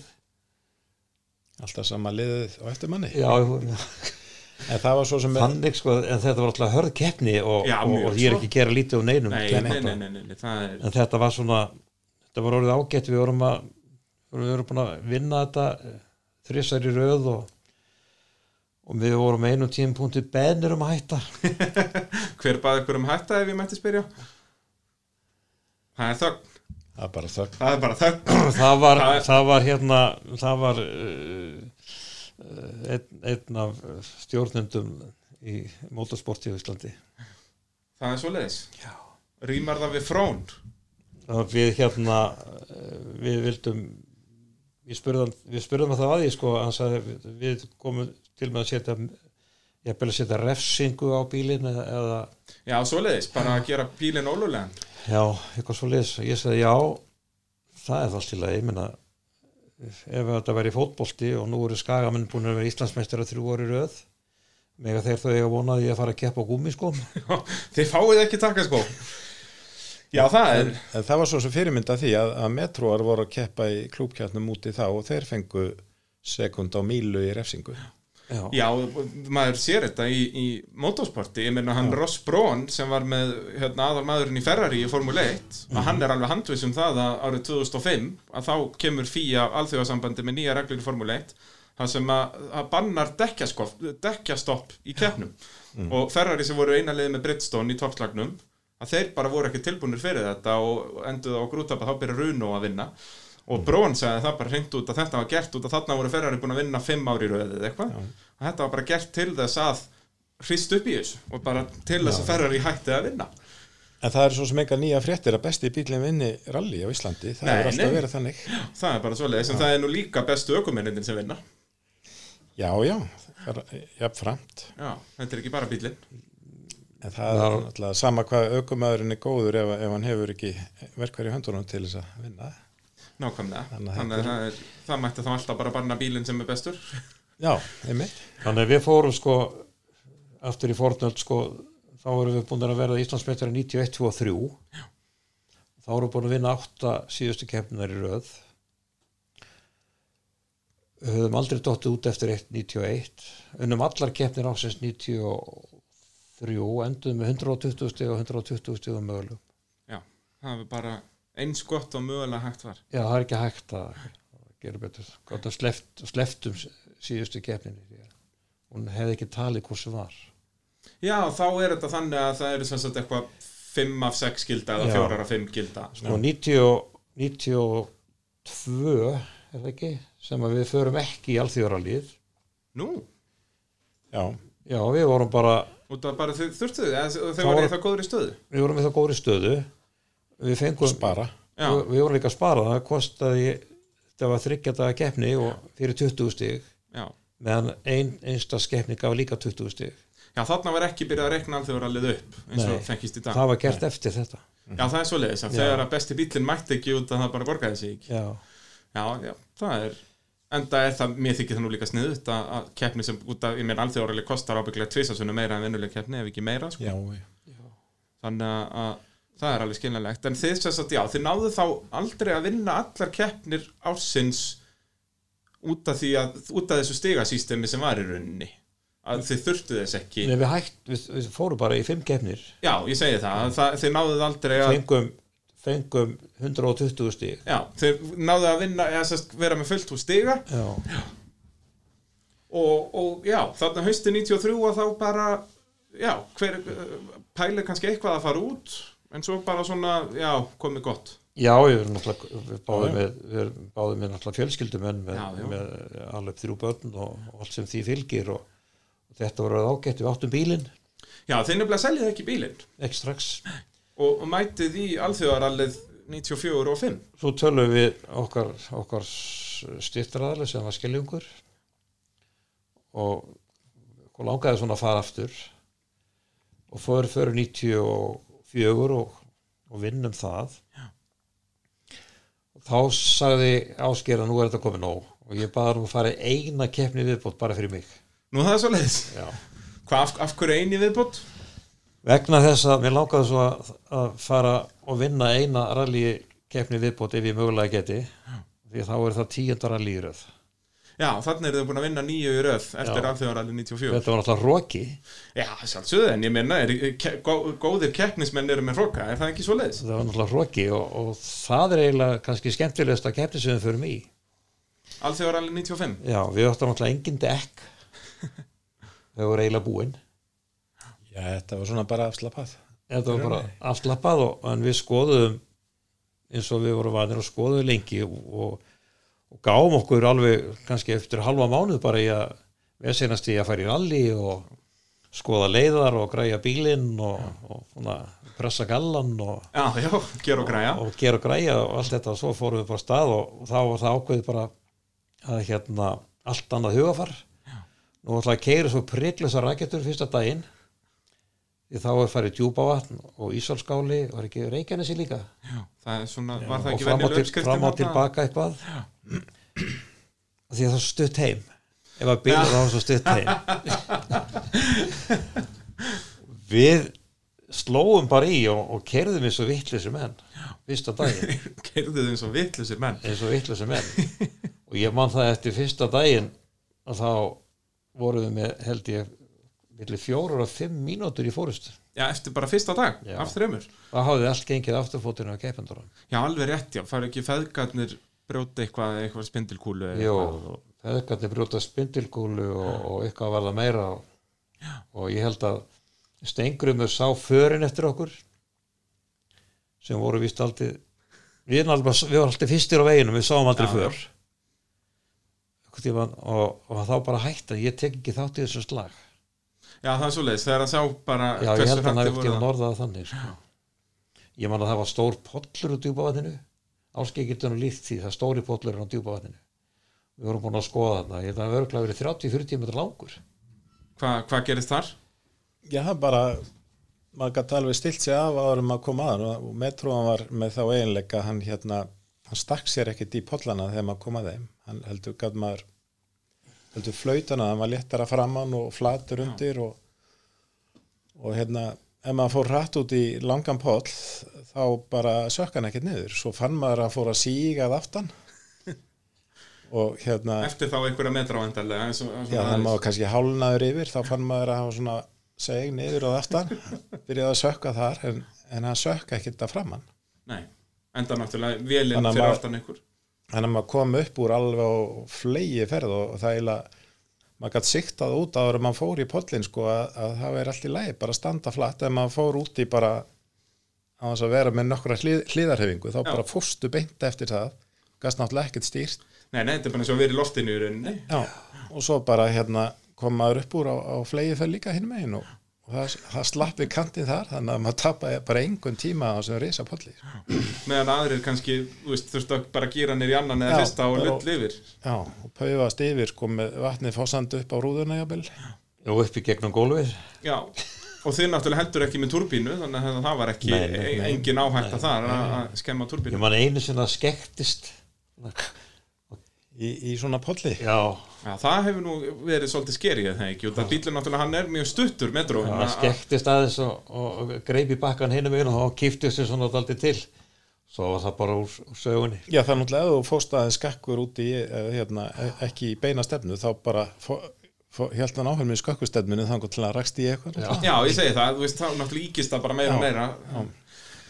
En þú veist, var- eins og hvernig var að keira þennan bíl? Ef við förum aðeins út í bara svona aktusenginleikana á metróunum að er þetta, er einhverju líkt eða, eða? Hann hafði náttúrulega alveg svakar eftir veggrip og, og hérna og það var ekki hægt að keira hann sko nema að vera með headphone því að það var sko öskrandi háaði já, það er svo leiðis Og voruð þið þá með á ferjulegum líka bara þá headphone eða sérst tókuðu hjálman af ykkur? Var, eða Við- þurftuð við alltaf að vorum- vera með hjálman Var eitthvað hjálmaboks í þessum bíl? Já, það var hilla sko fyrir aftan sætin aðeins. Nú, ok, en svo var svona svona gler í raun og veru eða plast fyrir efri hlutanur þar sem bara maður gætt hort á mótorinn. Akkurat og maður er kannski ekki eins góðu sambandi við mótorinn eins og í eskort því að sko eskortin gaf mann alltaf sko lykt, maður fann á lyktinni hvernig mótorinu leið sko. Já, og það maður gætt fundið hitan jafnvel upp um gólfið sko ef var, var mikið álag það pústið hitnaði og það kom svona mismöðandi stæk lyktin eftir í hvað hver áreinslan var hérna fram í en það fannst aldrei á, á metro Nei, enda náttúrulega þá fyrir öll lyktin ekki fyrir þú kannski stoppaðir í, í hérna á tímaðastöðunni þá kom hérna brælan Já. og hittin sko eða það var hérna vindur og eftir. Akkurat, akkurat. En já, þú veist, já, mjög mikið veggrip og, og hann náttúrulega hagaði þessu svona eiginlega eins og afturdurisbíl já já, ég raun og veru að gera það.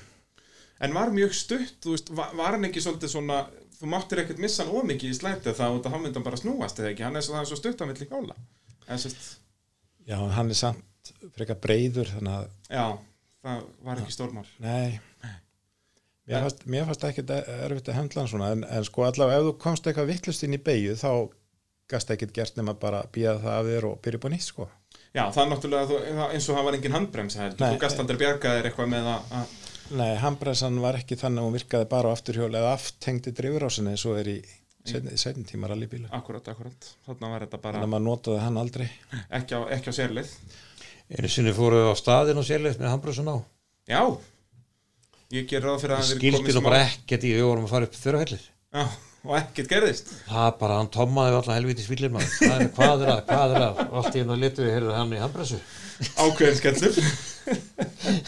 Já, ég, jú, það er kannski þegar maður, þú segir frá því, þá kannski rífast aðeins upp en það er allavega ekki stert í minnin á mér. Jú, mér minnur að það hefur sagt í þetta í ykkur viðtali Veist með að ég er ekki með það tilbúið hérna að það hefur verið að taka viðtalið ykkur eftir allið og, og hvað, gekk þetta allt bara fullkomlu upp og, og Ásker svarar Já, bara fyrir utan þetta eina skipti sem við glemdum að taka bílur og hafbrens og að nú lögum að stað. En já, 95 að þá er þetta endalega komið gott, finnst ykkur? Já, já, fjölskyldan áttu nú skilið að maður gerði eitthvað annað við sumari heldur en að skoða sérleiðir, hinga og þangað Já. á landið. Þannig að, hvað, þið seljið bílinn hvað, það tekur nú eitthvað tíma eða ekki? Sigurður bara kaupir hann af ykkur eða ekki? Kaupir hann árið setna Já, er það 96 og svo þá ábygglega hausti 96 hann er ennþá á talbótinum 96 hann mætir ekki á hann fyrir 97 Já, við erum nú verið reyndum aldrei að selja hann, hann, Nú já, það er svoleið, það er bara Sigurður bara kemur til ykkar. Já, hann, já, já, hann væld og skeldi í okkur, vildi fyrst, hann vildi nú fyrst skipta við okkur á talbótinum en já, við vildum það ekki. nei. Hann endaði á, endaði á kaupan. þetta var bara orðið ágætist tímbil þetta voru orðið 17 ári líf okkar meira og minna og síðustu sjö ári þar á undan sko höfðu meira og minna snúist í allt í kringum þetta og Já, já, er komið tími til að að finna sér annað hobby. Snúa sér að ekkur snúa sér að öðru. Og hérna allir dagar eiga sitt kvöld og, og það var bara svo liss það er nákvæmlega þannig. Uh, þá kannski förum við aðeins aftur tilbaka út að þau töluðu á það með, þú veist, jafnvel að fara út á metróunum að keppa erlendis. Þeir náttúrulega keftu báðið erlendis á sínum tíma, Já, svona en í sikkur lægi sitt hvoru lagi. Við fórum reyndar saman til Belgíu þá, þá kom Bræði með sem þriðjumæður við Birgir Viðar eh, hérna Birgir Veðar Halldórsson Halldórsson keftum saman í Belgíu einu sinni. Er, hvernig er það? Það hefur verið hvað? Eh, Það var hérna Er það fyrir 70 eða eftir Skotland? var ekki 78 bara? 78? Nei, hérna 88. 87 segi ég, snýði við. Átt- Já, 87. og þú fórst til Skotlands að keppa líka Það var á- 86 eða 7 sem við Birgir fórum til Belgíu. til Belgíu, var það fyrir það sem þú fórst til Skotlands? eftir það. Það eftir það. Og þetta var alltaf á einhverjum leigubílum með það ekki, þið fóruð ekki út með bílinn ykkar? Já, í Belgíu þá eh, ég sá Birgir um að leia Opel frá Finnlandi, Já, já, Opel Ascona. Birgir náttúrulega hafði vantarlega einhverja reynslu og kontakta erlendis eða ekki, hann náttúrulega var búinn að vera að keppa með segur í því og, og þetta var nú hérna hétt Hasbengo Rally eða Haspunga Rally eins og við kallum það.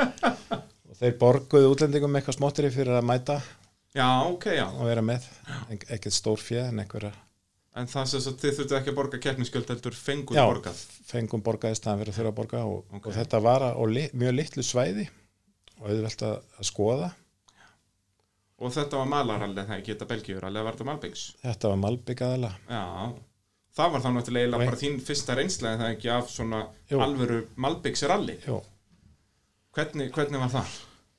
Já, þessi bíl var náttúrulega drusla sem við fengum Var það oft svoleiðis með þessa leigubíla að Bara þetta var, aftur drifin Ascona, ekki dósvipar bara á Escort og, og Toyota Corolla eða slíku, slíku bíl akkurat og hann svo sem var kannski hjekk í lægið svona fyrstu tvær sélegarnir eða hvort það var á annari séleið þá bara sá maður hittamælin æði upp og Já, ljóskveikni mælaborinn og við fórum út í kant og þá var tímareiminn, nei hérna viftureiminn dottin af. Já, og hérna við settum hana bara á og aftur í gang og kom aftur ljósið og frammi þá þá lág hún aftur laus og þá kom í ljósa að trissan og sveifarásnum hjólið var bara brotið já, þannig að hann kastaði alltaf bara sér einnig játjólega var bara svo reyðgað að, að hérna, það datt í sundur. Já, frábært. Það var ekkert hægt að hafa viftureimin á bílum þannig að við fórum ekkert lengra. Til eða ekki, ekki mótorinn. Uh, Þannig að þannig, já, fórum sjóferð þá í, í Belgíu. Uh, Skotland, kláraru það ralli eða? e, ég, nei það tókst ekki eins og heldur. Nei, hvað, þá er það aftur eitthvað við, leiguvesen þá fórum við logi már út að keppa þá var ég svona já, hann var búinn að vera kóari með honum á eskort og og þá fór nú Bræði í sama rally með Jónas Haldósinni, var það ekki? Já, þannig að fóru, hvað, tvær íslenskar áhafnir eða fleiri? Já. eða? Tvær og þeir kefti á, á Opel og Kadett held ég Já. við vorum á, á Talbot ekki svona 250 hestabla heldur svona klúbmanns Talbot sem að var með sér búið að hafa fyrir, hafa fyrir því að, að færa stýrið yfir í vinstri Nú, hliðina til þess að fíla hann betur. Og það var svona bara ósku venilegu bíl og ekki dómugulegur en svo vorum við að pr- príla upp eitthvað, eitthvað að brekka á hann og þá allt í einu bilaði andargýrin. Já, já. Og í miður alí og við þurftum að láta skipta um kassa næst þegar var tími til þess, skýrkassa og þá eiginlega bara týndu við rallín Já, það er þeir, þegar við fórum aftur á stað þá bara sást engir rallybíl og ekki neitt og við sem ekki hvað er voru Nei, ég nákvæmlega. náttúrulega rötuðu ekkert þannig að við höfum svona bjargað okkur með því að við vorum náttúrulega með leiðabók en, en hérna tókum einhver stað villis að beigju og bara. bara týndum rallín og kerðum bara, bara heim og hættum. Já, það er náttúrulega bara reynsluleysi í rauninni. Já, já, það var, það var ekkert flóknar að það. Hvernig var svona hugarástandi þarna? Þess að var planið að bara verða heimsmyndstæri Nei, ekki alveg kannski en, en hérna En svona samt, ég meina það hlýtur að verið svona eitthvað ambisjón að reyna að ná einhverju svona smá einhverju smá, smá aðtegli og ég held að við höfum á þessum bíl náðum maður ekkert mikið, ég held einu sinni að tvisar átjánda besta tíma eða eitthvað svo leiðis af öllum hópnum sko. Og náttúrulega alveg sama hver hefði verið á honum hann hefði ekkert náð sko inn í topp tíu eða nei. líkt sko. Þannig að þú varst alveg svona þannig að maður bara, já, maður var svona dæmdur til þess að vera einhver staðar í miðjum hópi hvort þið er en, en þetta var þó bara reynsla, það er sagt að taki sjö ár að skapa sér reynslu til að vera góður rallökumar í Breitlandi í þessum blindu leiðum, þetta eru bara inn á milli trjáa og, og inn í skógi og ef það er rigning þá er fljúandi hálka og, Þetta er svo leirkendir veginnir Já. Þetta er bara verður svell. Og þetta er svona, já, getur verið margar hættur utan í fjálslíðum og brekkum og Og ef þú klikkar það er eru trén eins og dæmið sína hafa Jú, það er náttúrulega mælum að 40 Já, og náttúrulega sorglegt með hann Hafstein heitin Já. Hauksson. Já. Það er eini íslenski rallökumæður sem hefur látið við lífið og það var á tríi Breitlandi Já, í, sko, í skóskaralínu held ég bara. Já, Nei, í hérna Jú, var það sko, það var Myndex-rallið já, Hann var búinn að fara í já, að því, og stóð sér svaka vel þar. Já, og, og er svo í Já. og, og það var einmitt með honum Birgi við hann held á sinni já. Uh, Bragi, hvernig gekk hjá þér þarna í þessu sama skoska ralli? Við keftum okkur Opel á manni þetta nýri Já, þið keiftu bílinn? Já. Og fórum á honum og fljótlega eftir að lagar að stað þá bilaði ég honum allt inn á torinn Já, þannig við, við heldum nú áfram og það sem verða var að þetta var næturalli ah, og þið rammakslausir við vorum ramaslausir Ákveðin skellur Já, þetta er aldrei skellur. Já, Já. þannig að það þurfti vandalega að slökka á öllum ljósum og svo leiðis Já, við slögtum á öllum ljósum og kerðum sérlega þetta og með geimisljósið Já, svo slögtum við strax og við höfðum þann háttinn á að þetta er náttúrulega lauku finn sko við, sá, við komum út af sjælið og þá fórum við að svipa strax eftir því hvort að vera ekki eitthvað áhrundur sem ætti Opel. Að leita viftur einn nei, öðru rafgimi Nei, önnum hérna. Náð, þá náðu okkur nokt, eitthvað til þess að þrissinum í rafgimi Já, til að hafa þá hvað, til að setja beint í það og jafnvel að eiga síðan hvað, einn í skottinu auka skiptum. Já, skiptu bara um og já, og voru snöggir að því og konum aldrei lafið það. Og íttu þeir svo í gang hinnum ha, Þurftu ekki að íta gefandanum í gang bara? Já ef, ef að þið fengur afgimi frá áhörenda þá þurftu vantilega að hjálpa þið með að íta, íta þeirra nei þeir voru ekkert á staðnum endilega. Nú já, það var Það var bara fundin bíl og opna hundið og takk fyrir bless. Já, já, Er, þú, ert bara vikingur, þú ferð hérna e, á, á sko, önnur lönd að stela rafgeimum þau voru ekkert endilega á þau voru ekkert svo lendum við því að glemdu þeir þá að læsa bílnum eða eitthvað? Svo vorum alltaf algjörlega sko, það, var, svo, það var ekkert sem hétt að gefast upp sko. Nei, svo förum við það var náttúrulega ógnar langar fyrirliðir þarna á milli. Já, já. Sérstaklega þegar maður var búin með daginn við vorum við lent, eh, lendum þarna slökkum öll ljósin og keirum á eftir rallybíl sem er sko hafði komið annarkvæmt rétt á undan okkur rétt á eftir okkur, við bara eldum hann. Alveg bara stuðara í stuðara. Já. Vildu ekki tínunum, þá myndið tína tí- rallinu. tínunum Já, og, og við vorum náttúrulega ljóslusir Já, það var bara og við keirðum og keirðum og keirðum og þeir eru búin að keira kannski svona hálftíma á eftir honum. Og hann keirði alveg á fullri fermaður þarna í myrkrinu á okkur sveitavegum upp í Skotlandi. Já, þá stoppar hann og við náttúrulega bara líka. Já. og þeir fara báðir út og rífu pútið og ég náttúrulega bara fór líka út úr okkar bíl og lappaði til þeirra og bankaði og spurði hvort það væri gælt í lagi. Ég held að maður myndi að fá hjartáfall hann, brá svo mikið? Þannig að það er upp í mér í Skotland það kemur maður og bankar í hann bara utan á virkri já það, þið sáuð aldrei bílinn. þá var eitthvað auka hljóðu hann það var bílinn okkar Já, en þeir náttúrulega sá aldrei neitt í speglunum. Nei. það voru bara við og eftir þeim Og svo Og bara þeir- kemur einhver draugur út á myrkrinu og halda bankjan, are you okay? og hérna og þetta hann bara á svona svakalega manninu Ég ekki Svo trúa því. þið eru brjálaðir nú vissi hann á okkur. Og þannig að nú keirðu svo keirðu við nýr í hérna, nýr í Glasgow. Já, var svona servisinn þar, já. já, Já, og þar týndu við honum á ljósum. Já, við þorðum ekki að fara yfir rauði því hann fór yfir á guðlu já. og ég var við höfðum bara eld hann þegar ég var ekki alveg inn í leiðabókinni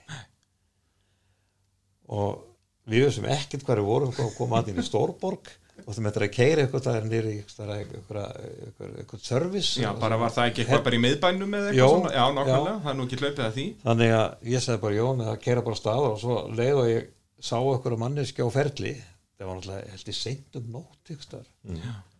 þá bara vinkaði ég hann og spurði hana bentinni á þetta spurði hvað það geti kert á undan okkur já, já og það við eldum þá bara annan þannig við fundum rallið aftur og Já, svo, og svo- og þá gáttum við skipt um game nefnum um allt í náttúrulega svo kláruðum við þessa rally, þetta rally svona frekar og, og hæg, hægri siglingu ef við kláruðum þessa. Já, en voru dæmdur úr leik því að bílinn var með eh, held ég hef fundið eitthvað á hann og hann hefði ekki verið rétt ekki verið homologerður, hann var alltaf með beina íspýtingu í staðan fyrir að vera með blöndunga eitthvað já, svona já, eitthvað bara sem var búið að tjúna eitthvað smá. Já, en það var ekki það var í lagi því að við fengum svo sérstök velum sem menn keppinar Nú það er svo leiðis, já. Já. Þið hafið náða einhver ég aðtekli fengum svona silfur byggar sem að stendur sko Spirit of the Rally Award Já, frá, ok. frá Skólandi og, og hérna þetta var mjög gaman að elda þennan bíl hann í myrkrinu Já, og, og hræða síðan úr honum líftúruna. þarna var Malcolm Wilson að keppa á Audi Quattro Já, einmitt. Það er nú sami maður og smíðaði bílinn fyrir Hafstein, Hauks. Já, og hann var að keppa á Audi Quattro og hann krassaði hann svo svakalega hérna í skóginum og við komum, ég mann þegar við keirðum fram á hann að þeir sögðu það að sko að, að hérna mótorum var úr bílnum og, og hérna að hann var bara allur í tætlum það skilur enginn hvernig það fór út úr þessu lifandi og hérna en það var alveg svakalegt hvað hann var að hann farið utan í trí og alveg Og bara, já, og, og, já, vél og allt bara, já. allt bara mótorinn í honum. Og allt í þessu. Þetta var upplifun að, að fara þarna svo, Þú fer hvað líka til Finnlands eða ekki með honum Þorstein Inga? jú, svo fóru Þorstein Ingarsson og Stengrimir Ingarsson Jó Ragnarsson og ég. Þá flýtti við tvær Toyota Corolla hérna frá Íslandi. Já, það er svoleiðis. til Finnlands. Alvöru menn Það er bara heldur betur útrásar vikingarnir. keppum þar í, í hérna hangirali þá höfðu Finnlandni sem að hér höfðu komið Peter Geitil og Erki Vananen þá höfðu þeir bóðið okkur að koma Já, það já. ég hefði hýst á heima hjá mér með þeir voru hérna og var þess að innan handar og þeir vildi endilega við kemur þangað Launa greiðan. við förum í hangirali sem því snjórali held ég á finsku Já. og það var tekið að móta okkur alveg höfunglega og við vorum aðstofað þar á allan handan máta og kerðum þetta snjórali í finsku skójunum í 30 stiga frosti. Frábært. og það var æðislega gaman. Já, trú- það er náttúrulega alveg allt öðruvísi að þó að við séum frá Íslandi að þá þekkjum við ekki snjóral. og það var yngu líkt. Og ég kunni ekkert í finsku nema ég vissi það að uksi þýtti einn. Nú, já, en alltaf þegar ég var talið niður og það kom uksi þá sagði ég bara keira Það er, er það ekki eina sem þarf? jú, jú, jú þetta var svaka gaman og, við hérna gáum þarna eh, bílaklubnum skjöld frá Íslandi til minninga um þetta og þetta ok. var mjög gaman og, og hérna Hvað, þið fóru nú líki í einhverja snjóskabla og svona smá, smá eventýraferðir? já, við ég man nú ekki rásnum mörlaka við vorum nú ekki mjög framalega það var svolítið skrítið að keira á svona dekkjum sem eru með svona svakalega miklum nöglum eins og með ís snjódekkjum. Já, bara, einhver, bara 300 naglar í dekki já, að hérna við stundum að keira á Malbyggi á Malbyggi á milli séliðina Já, og þá var kannski smá auðurkabli á milli. Þá var bara bílinn rásaðan um sko. Já, það, já, bara þegar þið voruð á þurrum albyggi í þau rauninni. eru Malbyggina, Já, það var alveg ókeirandi á því. Ég get trúa því. það var ótrúlega grip á honum í snjónum. Já, er það ekki? Menn tala um það að þetta er jafnvel meira grip heldur en sem sagt rallydekka malavegi. já, Eða svona allavega öðruvísi. já, öðruvísi en við, ég finnarnir tristu þeim sko, við náttúrulega höfum ekki kunnáttuna kannski til að Nei, trista bara, þessu já, eins vantaði mikið. reynslu í rauninni. Já. já. En finnarnir hafa það þannig að þetta var alltaf út í nóttinni og það er 30 stiga frost og þú ert að keira þetta inn í ykkur skói og kemur yfir blindæð og þá er náttúrulega beigja hinum einn Já. þeir voru ekkert að merkja það Nei, já, það er náttúrulega tíðkæðist á Íslandi eða það ekki, það voru yfirleitt eitthvað svona örvar eða þannig ef það voru hættulega blindhæðir Já, þeir með, það sem er hættulegt hjá þeim, það er, ég veit ekki alveg hvað það er. Þannig við stungustum einu sinni alveg út af í skabl og það alveg upp á miðja rúður. Það var ekki Já, að bara snjór út um allt Já, það var ekki, sko, stungum bílinn svolítið skjössalega í skablin. Og þá hugsa ég þetta er nú búið. Þá fylltist allt í hérna allt af andlitum. þá hafa finnandar að þannig að ef það er hættulega beigja eitthvað að gera, þá felaði sig þegar rallybílandum koma. Þannig að ef aukumennandi sjá ekki að það sé fullt af mönnum að horfa á þarna, þá hægja þær á sér að vita að það er eitthvað alvarlegt að ski. Já, en þannig að þeir fela sig þarna bakvið hérna. Við fórum alveg fulla ferð beint í skablinu og það var mikil gleði hjá þeim að fá, og þeir báru bílinn aftur inn á veginn Já, ekki ítt honum ekki, ég heldur bara báran upp Ég hefði komið við hérna í fríöfninni sem maður gerir nú á leiðinu út og ég keifti fullt af hérna, pínu litlum svona brennivíslöskum. Já, hérna svona, já, litlum Já, skotum eða þannig, já Þetta gaf ég öllum tímavörðum þegar voru hérna restir á stað og hann gaf ég okkur að tíu svona litla flöskur fyrir hjálpina.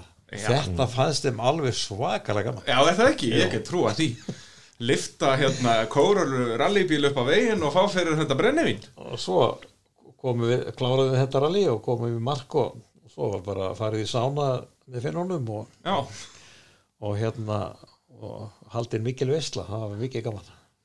líf og fjör Já, þetta var svaka gaman að fara til Finnlands. Fi- Finnar eru eiginlega eins og við. Já, svona í, í, í anda Þeir tala öðru vissu tungavóli þeir eru með svipaðan húmor. Já, já, það maður sér það líka í akstusíþróttum að finskir eins og sérstaklega í formúlinni Kimi Rækonen og Mika Hakkinen og þessir, þeir voru nefnilegt skemmtilegastir sko. En já, erum við, erum við að gleyma einhverju? Er þetta, er þetta fara að verða að komið gott hjá okkur? Munið þið eftir einhverjum skemmtilegum sögum? Já, sko, ég, við getum alveg verið hérna, ég glemdi bara að taka það með mér, en, en hérna, þegar að rally tímabilin okkar áskis var lokið, Já. þá liðu eitthvað tími og þá var ásker, átti ásker amali, þá hafði ég notað tíman frá því ég hætti og þá til átti stóramali, að ég skrifaði hérna litla bók sem heitir Manstu. Já. við gáum hann í amalskjöf og þar með sko voru allir svona alls konar punktar, það voru þessi pollur og þessi beigja og þetta og hitt og svona eitt og annað sem að við þegar menn sitjaði saman í rallybíl sko kannski dögum og vikum saman þegar það uppir talið og það var nú, þetta var nú fyrir tíma hérna farsímana við vorum skoðum lengst af á lötu 1200 það var, alveg, það var ekki í henni. Alveg skelvilega það sem voru endist og þá svona Já, þetta verður mjög stert samband. tala menn út aldrei saman og svona. Og, og, og hérna þurfa að læra umböralindi borga hinnum og, og annað í þeim dúr en okkur tókst það og við erum alltaf og, mi- og milli okkar er alltaf svona ákveði strengur. Ég skrifaði niður svona alls konar punta. Þetta, Motorsportsafn Íslands þurftu nú að fá þessa bók. skrifaði svona alls, skrifaði niður svona alls ég hafði bara gaman að, hef gaman að skrifa. Skrifaði niður svona alls konar punta. Ég þarf nú að fara að rifja þetta upp því að þetta er alltaf Ég á einhverstaðar bókina sko. ég batt hann inn í drullusokk Já, hún er, hún er úr drullusóksefni sem var notað á metrói sko.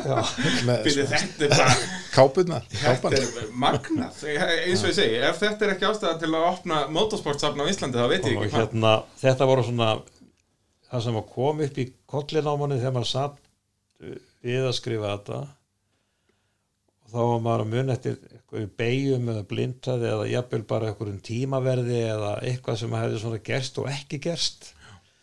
Svo voru við með svolítið sérstakann húmor okkur á millistundum og það var nú kannski ekki til útflutnings. Nei, Þegar við vorum svona í pílagrinsferðunum í Breitlandi við fórum, fórum einu sinna ári svona snemma voru út að við að okkur sko fyrir vertíðina. Já, metróvertíðina svona og sendum, sendum okkur sjálfur svo dekkin og drasli sem við fundum bara akkurat, akkurat. og hérna kerðum við mikið um eftir átópönum og, og voru svona eitthvað stytt okkur stundir við að hérna yrkja um keppinutana Þetta er líka eitthvað sem verið gaman að heyra. Eitthvað Ég- ég- skemmtilega ég- ljóðum. Já, við vorum, við vorum út í limrur Já, það er svoleiðis, já Ég held að hérna ég muni munum kannski eina. Nú, já, já uh, um nonna Ragnars ég yrki hann fær ólíu styrki er hann nógu klár til að vinna í ár? Eða er hann bara skúlir að virki? Býtu, ég held að ég sé með takka fyrir þetta eitthvað staðar. Býtu, ég kann ekkert á þess að græði þarna. Hæ? Hanna Þetta var gullfallegt. Já, er það ekki? Jú, ég held það, þetta er bara frábært. En, en já, er, Svo er þetta svona, svona, svo nú annað ekki kannski alveg prent eftir Nei, nei, ekki þetta Nei, það, við kannski tökum það bara í næsta þætti. Já, en þetta við, sem sagt, við ásker áttum þessi ár saman og það gekk mikið á og það var lagt mikið undir. Og við uppskárum ríkulega unnum líka mikið og gerðum hlutina eins eins og við gátum og getum litið bara mjög stoltur um öxl og glaðir með að hafa klárað þetta. Og líka það að við skulum bara halda áfram að vera vinnir það er ekkert endilega sjálfgefið. Á s- svo ég sé nú svolítið í væminn sko. Já, það er um að gera, er það ekki fínt að enda svo leiðis Jú, við erum góði vinnir og, og og hérna það er það sem rallið gerir. Og, og hérna uh, rallyið tók enda en uh, tók bara annað við og bjóða reynslunni og nýtt hann í annað. Það og var bara slis þið alltaf vinnir í gegnum súrt og sætt? Það er ekkert annað, við gáttum verið ósamála en við vorum aldrei óvinnir það, þá er það bara ætlum við að slá botnin í það í, í þetta viðtal svoleiðis eða ekki bara ég þakka ykkur kærlega fyrir að koma hér í mótorvarpið. Takk sem leiðis Já, takk samanlegis og hlustendur, takk fyrir að hlusta og ég þanga til næst. Bless bless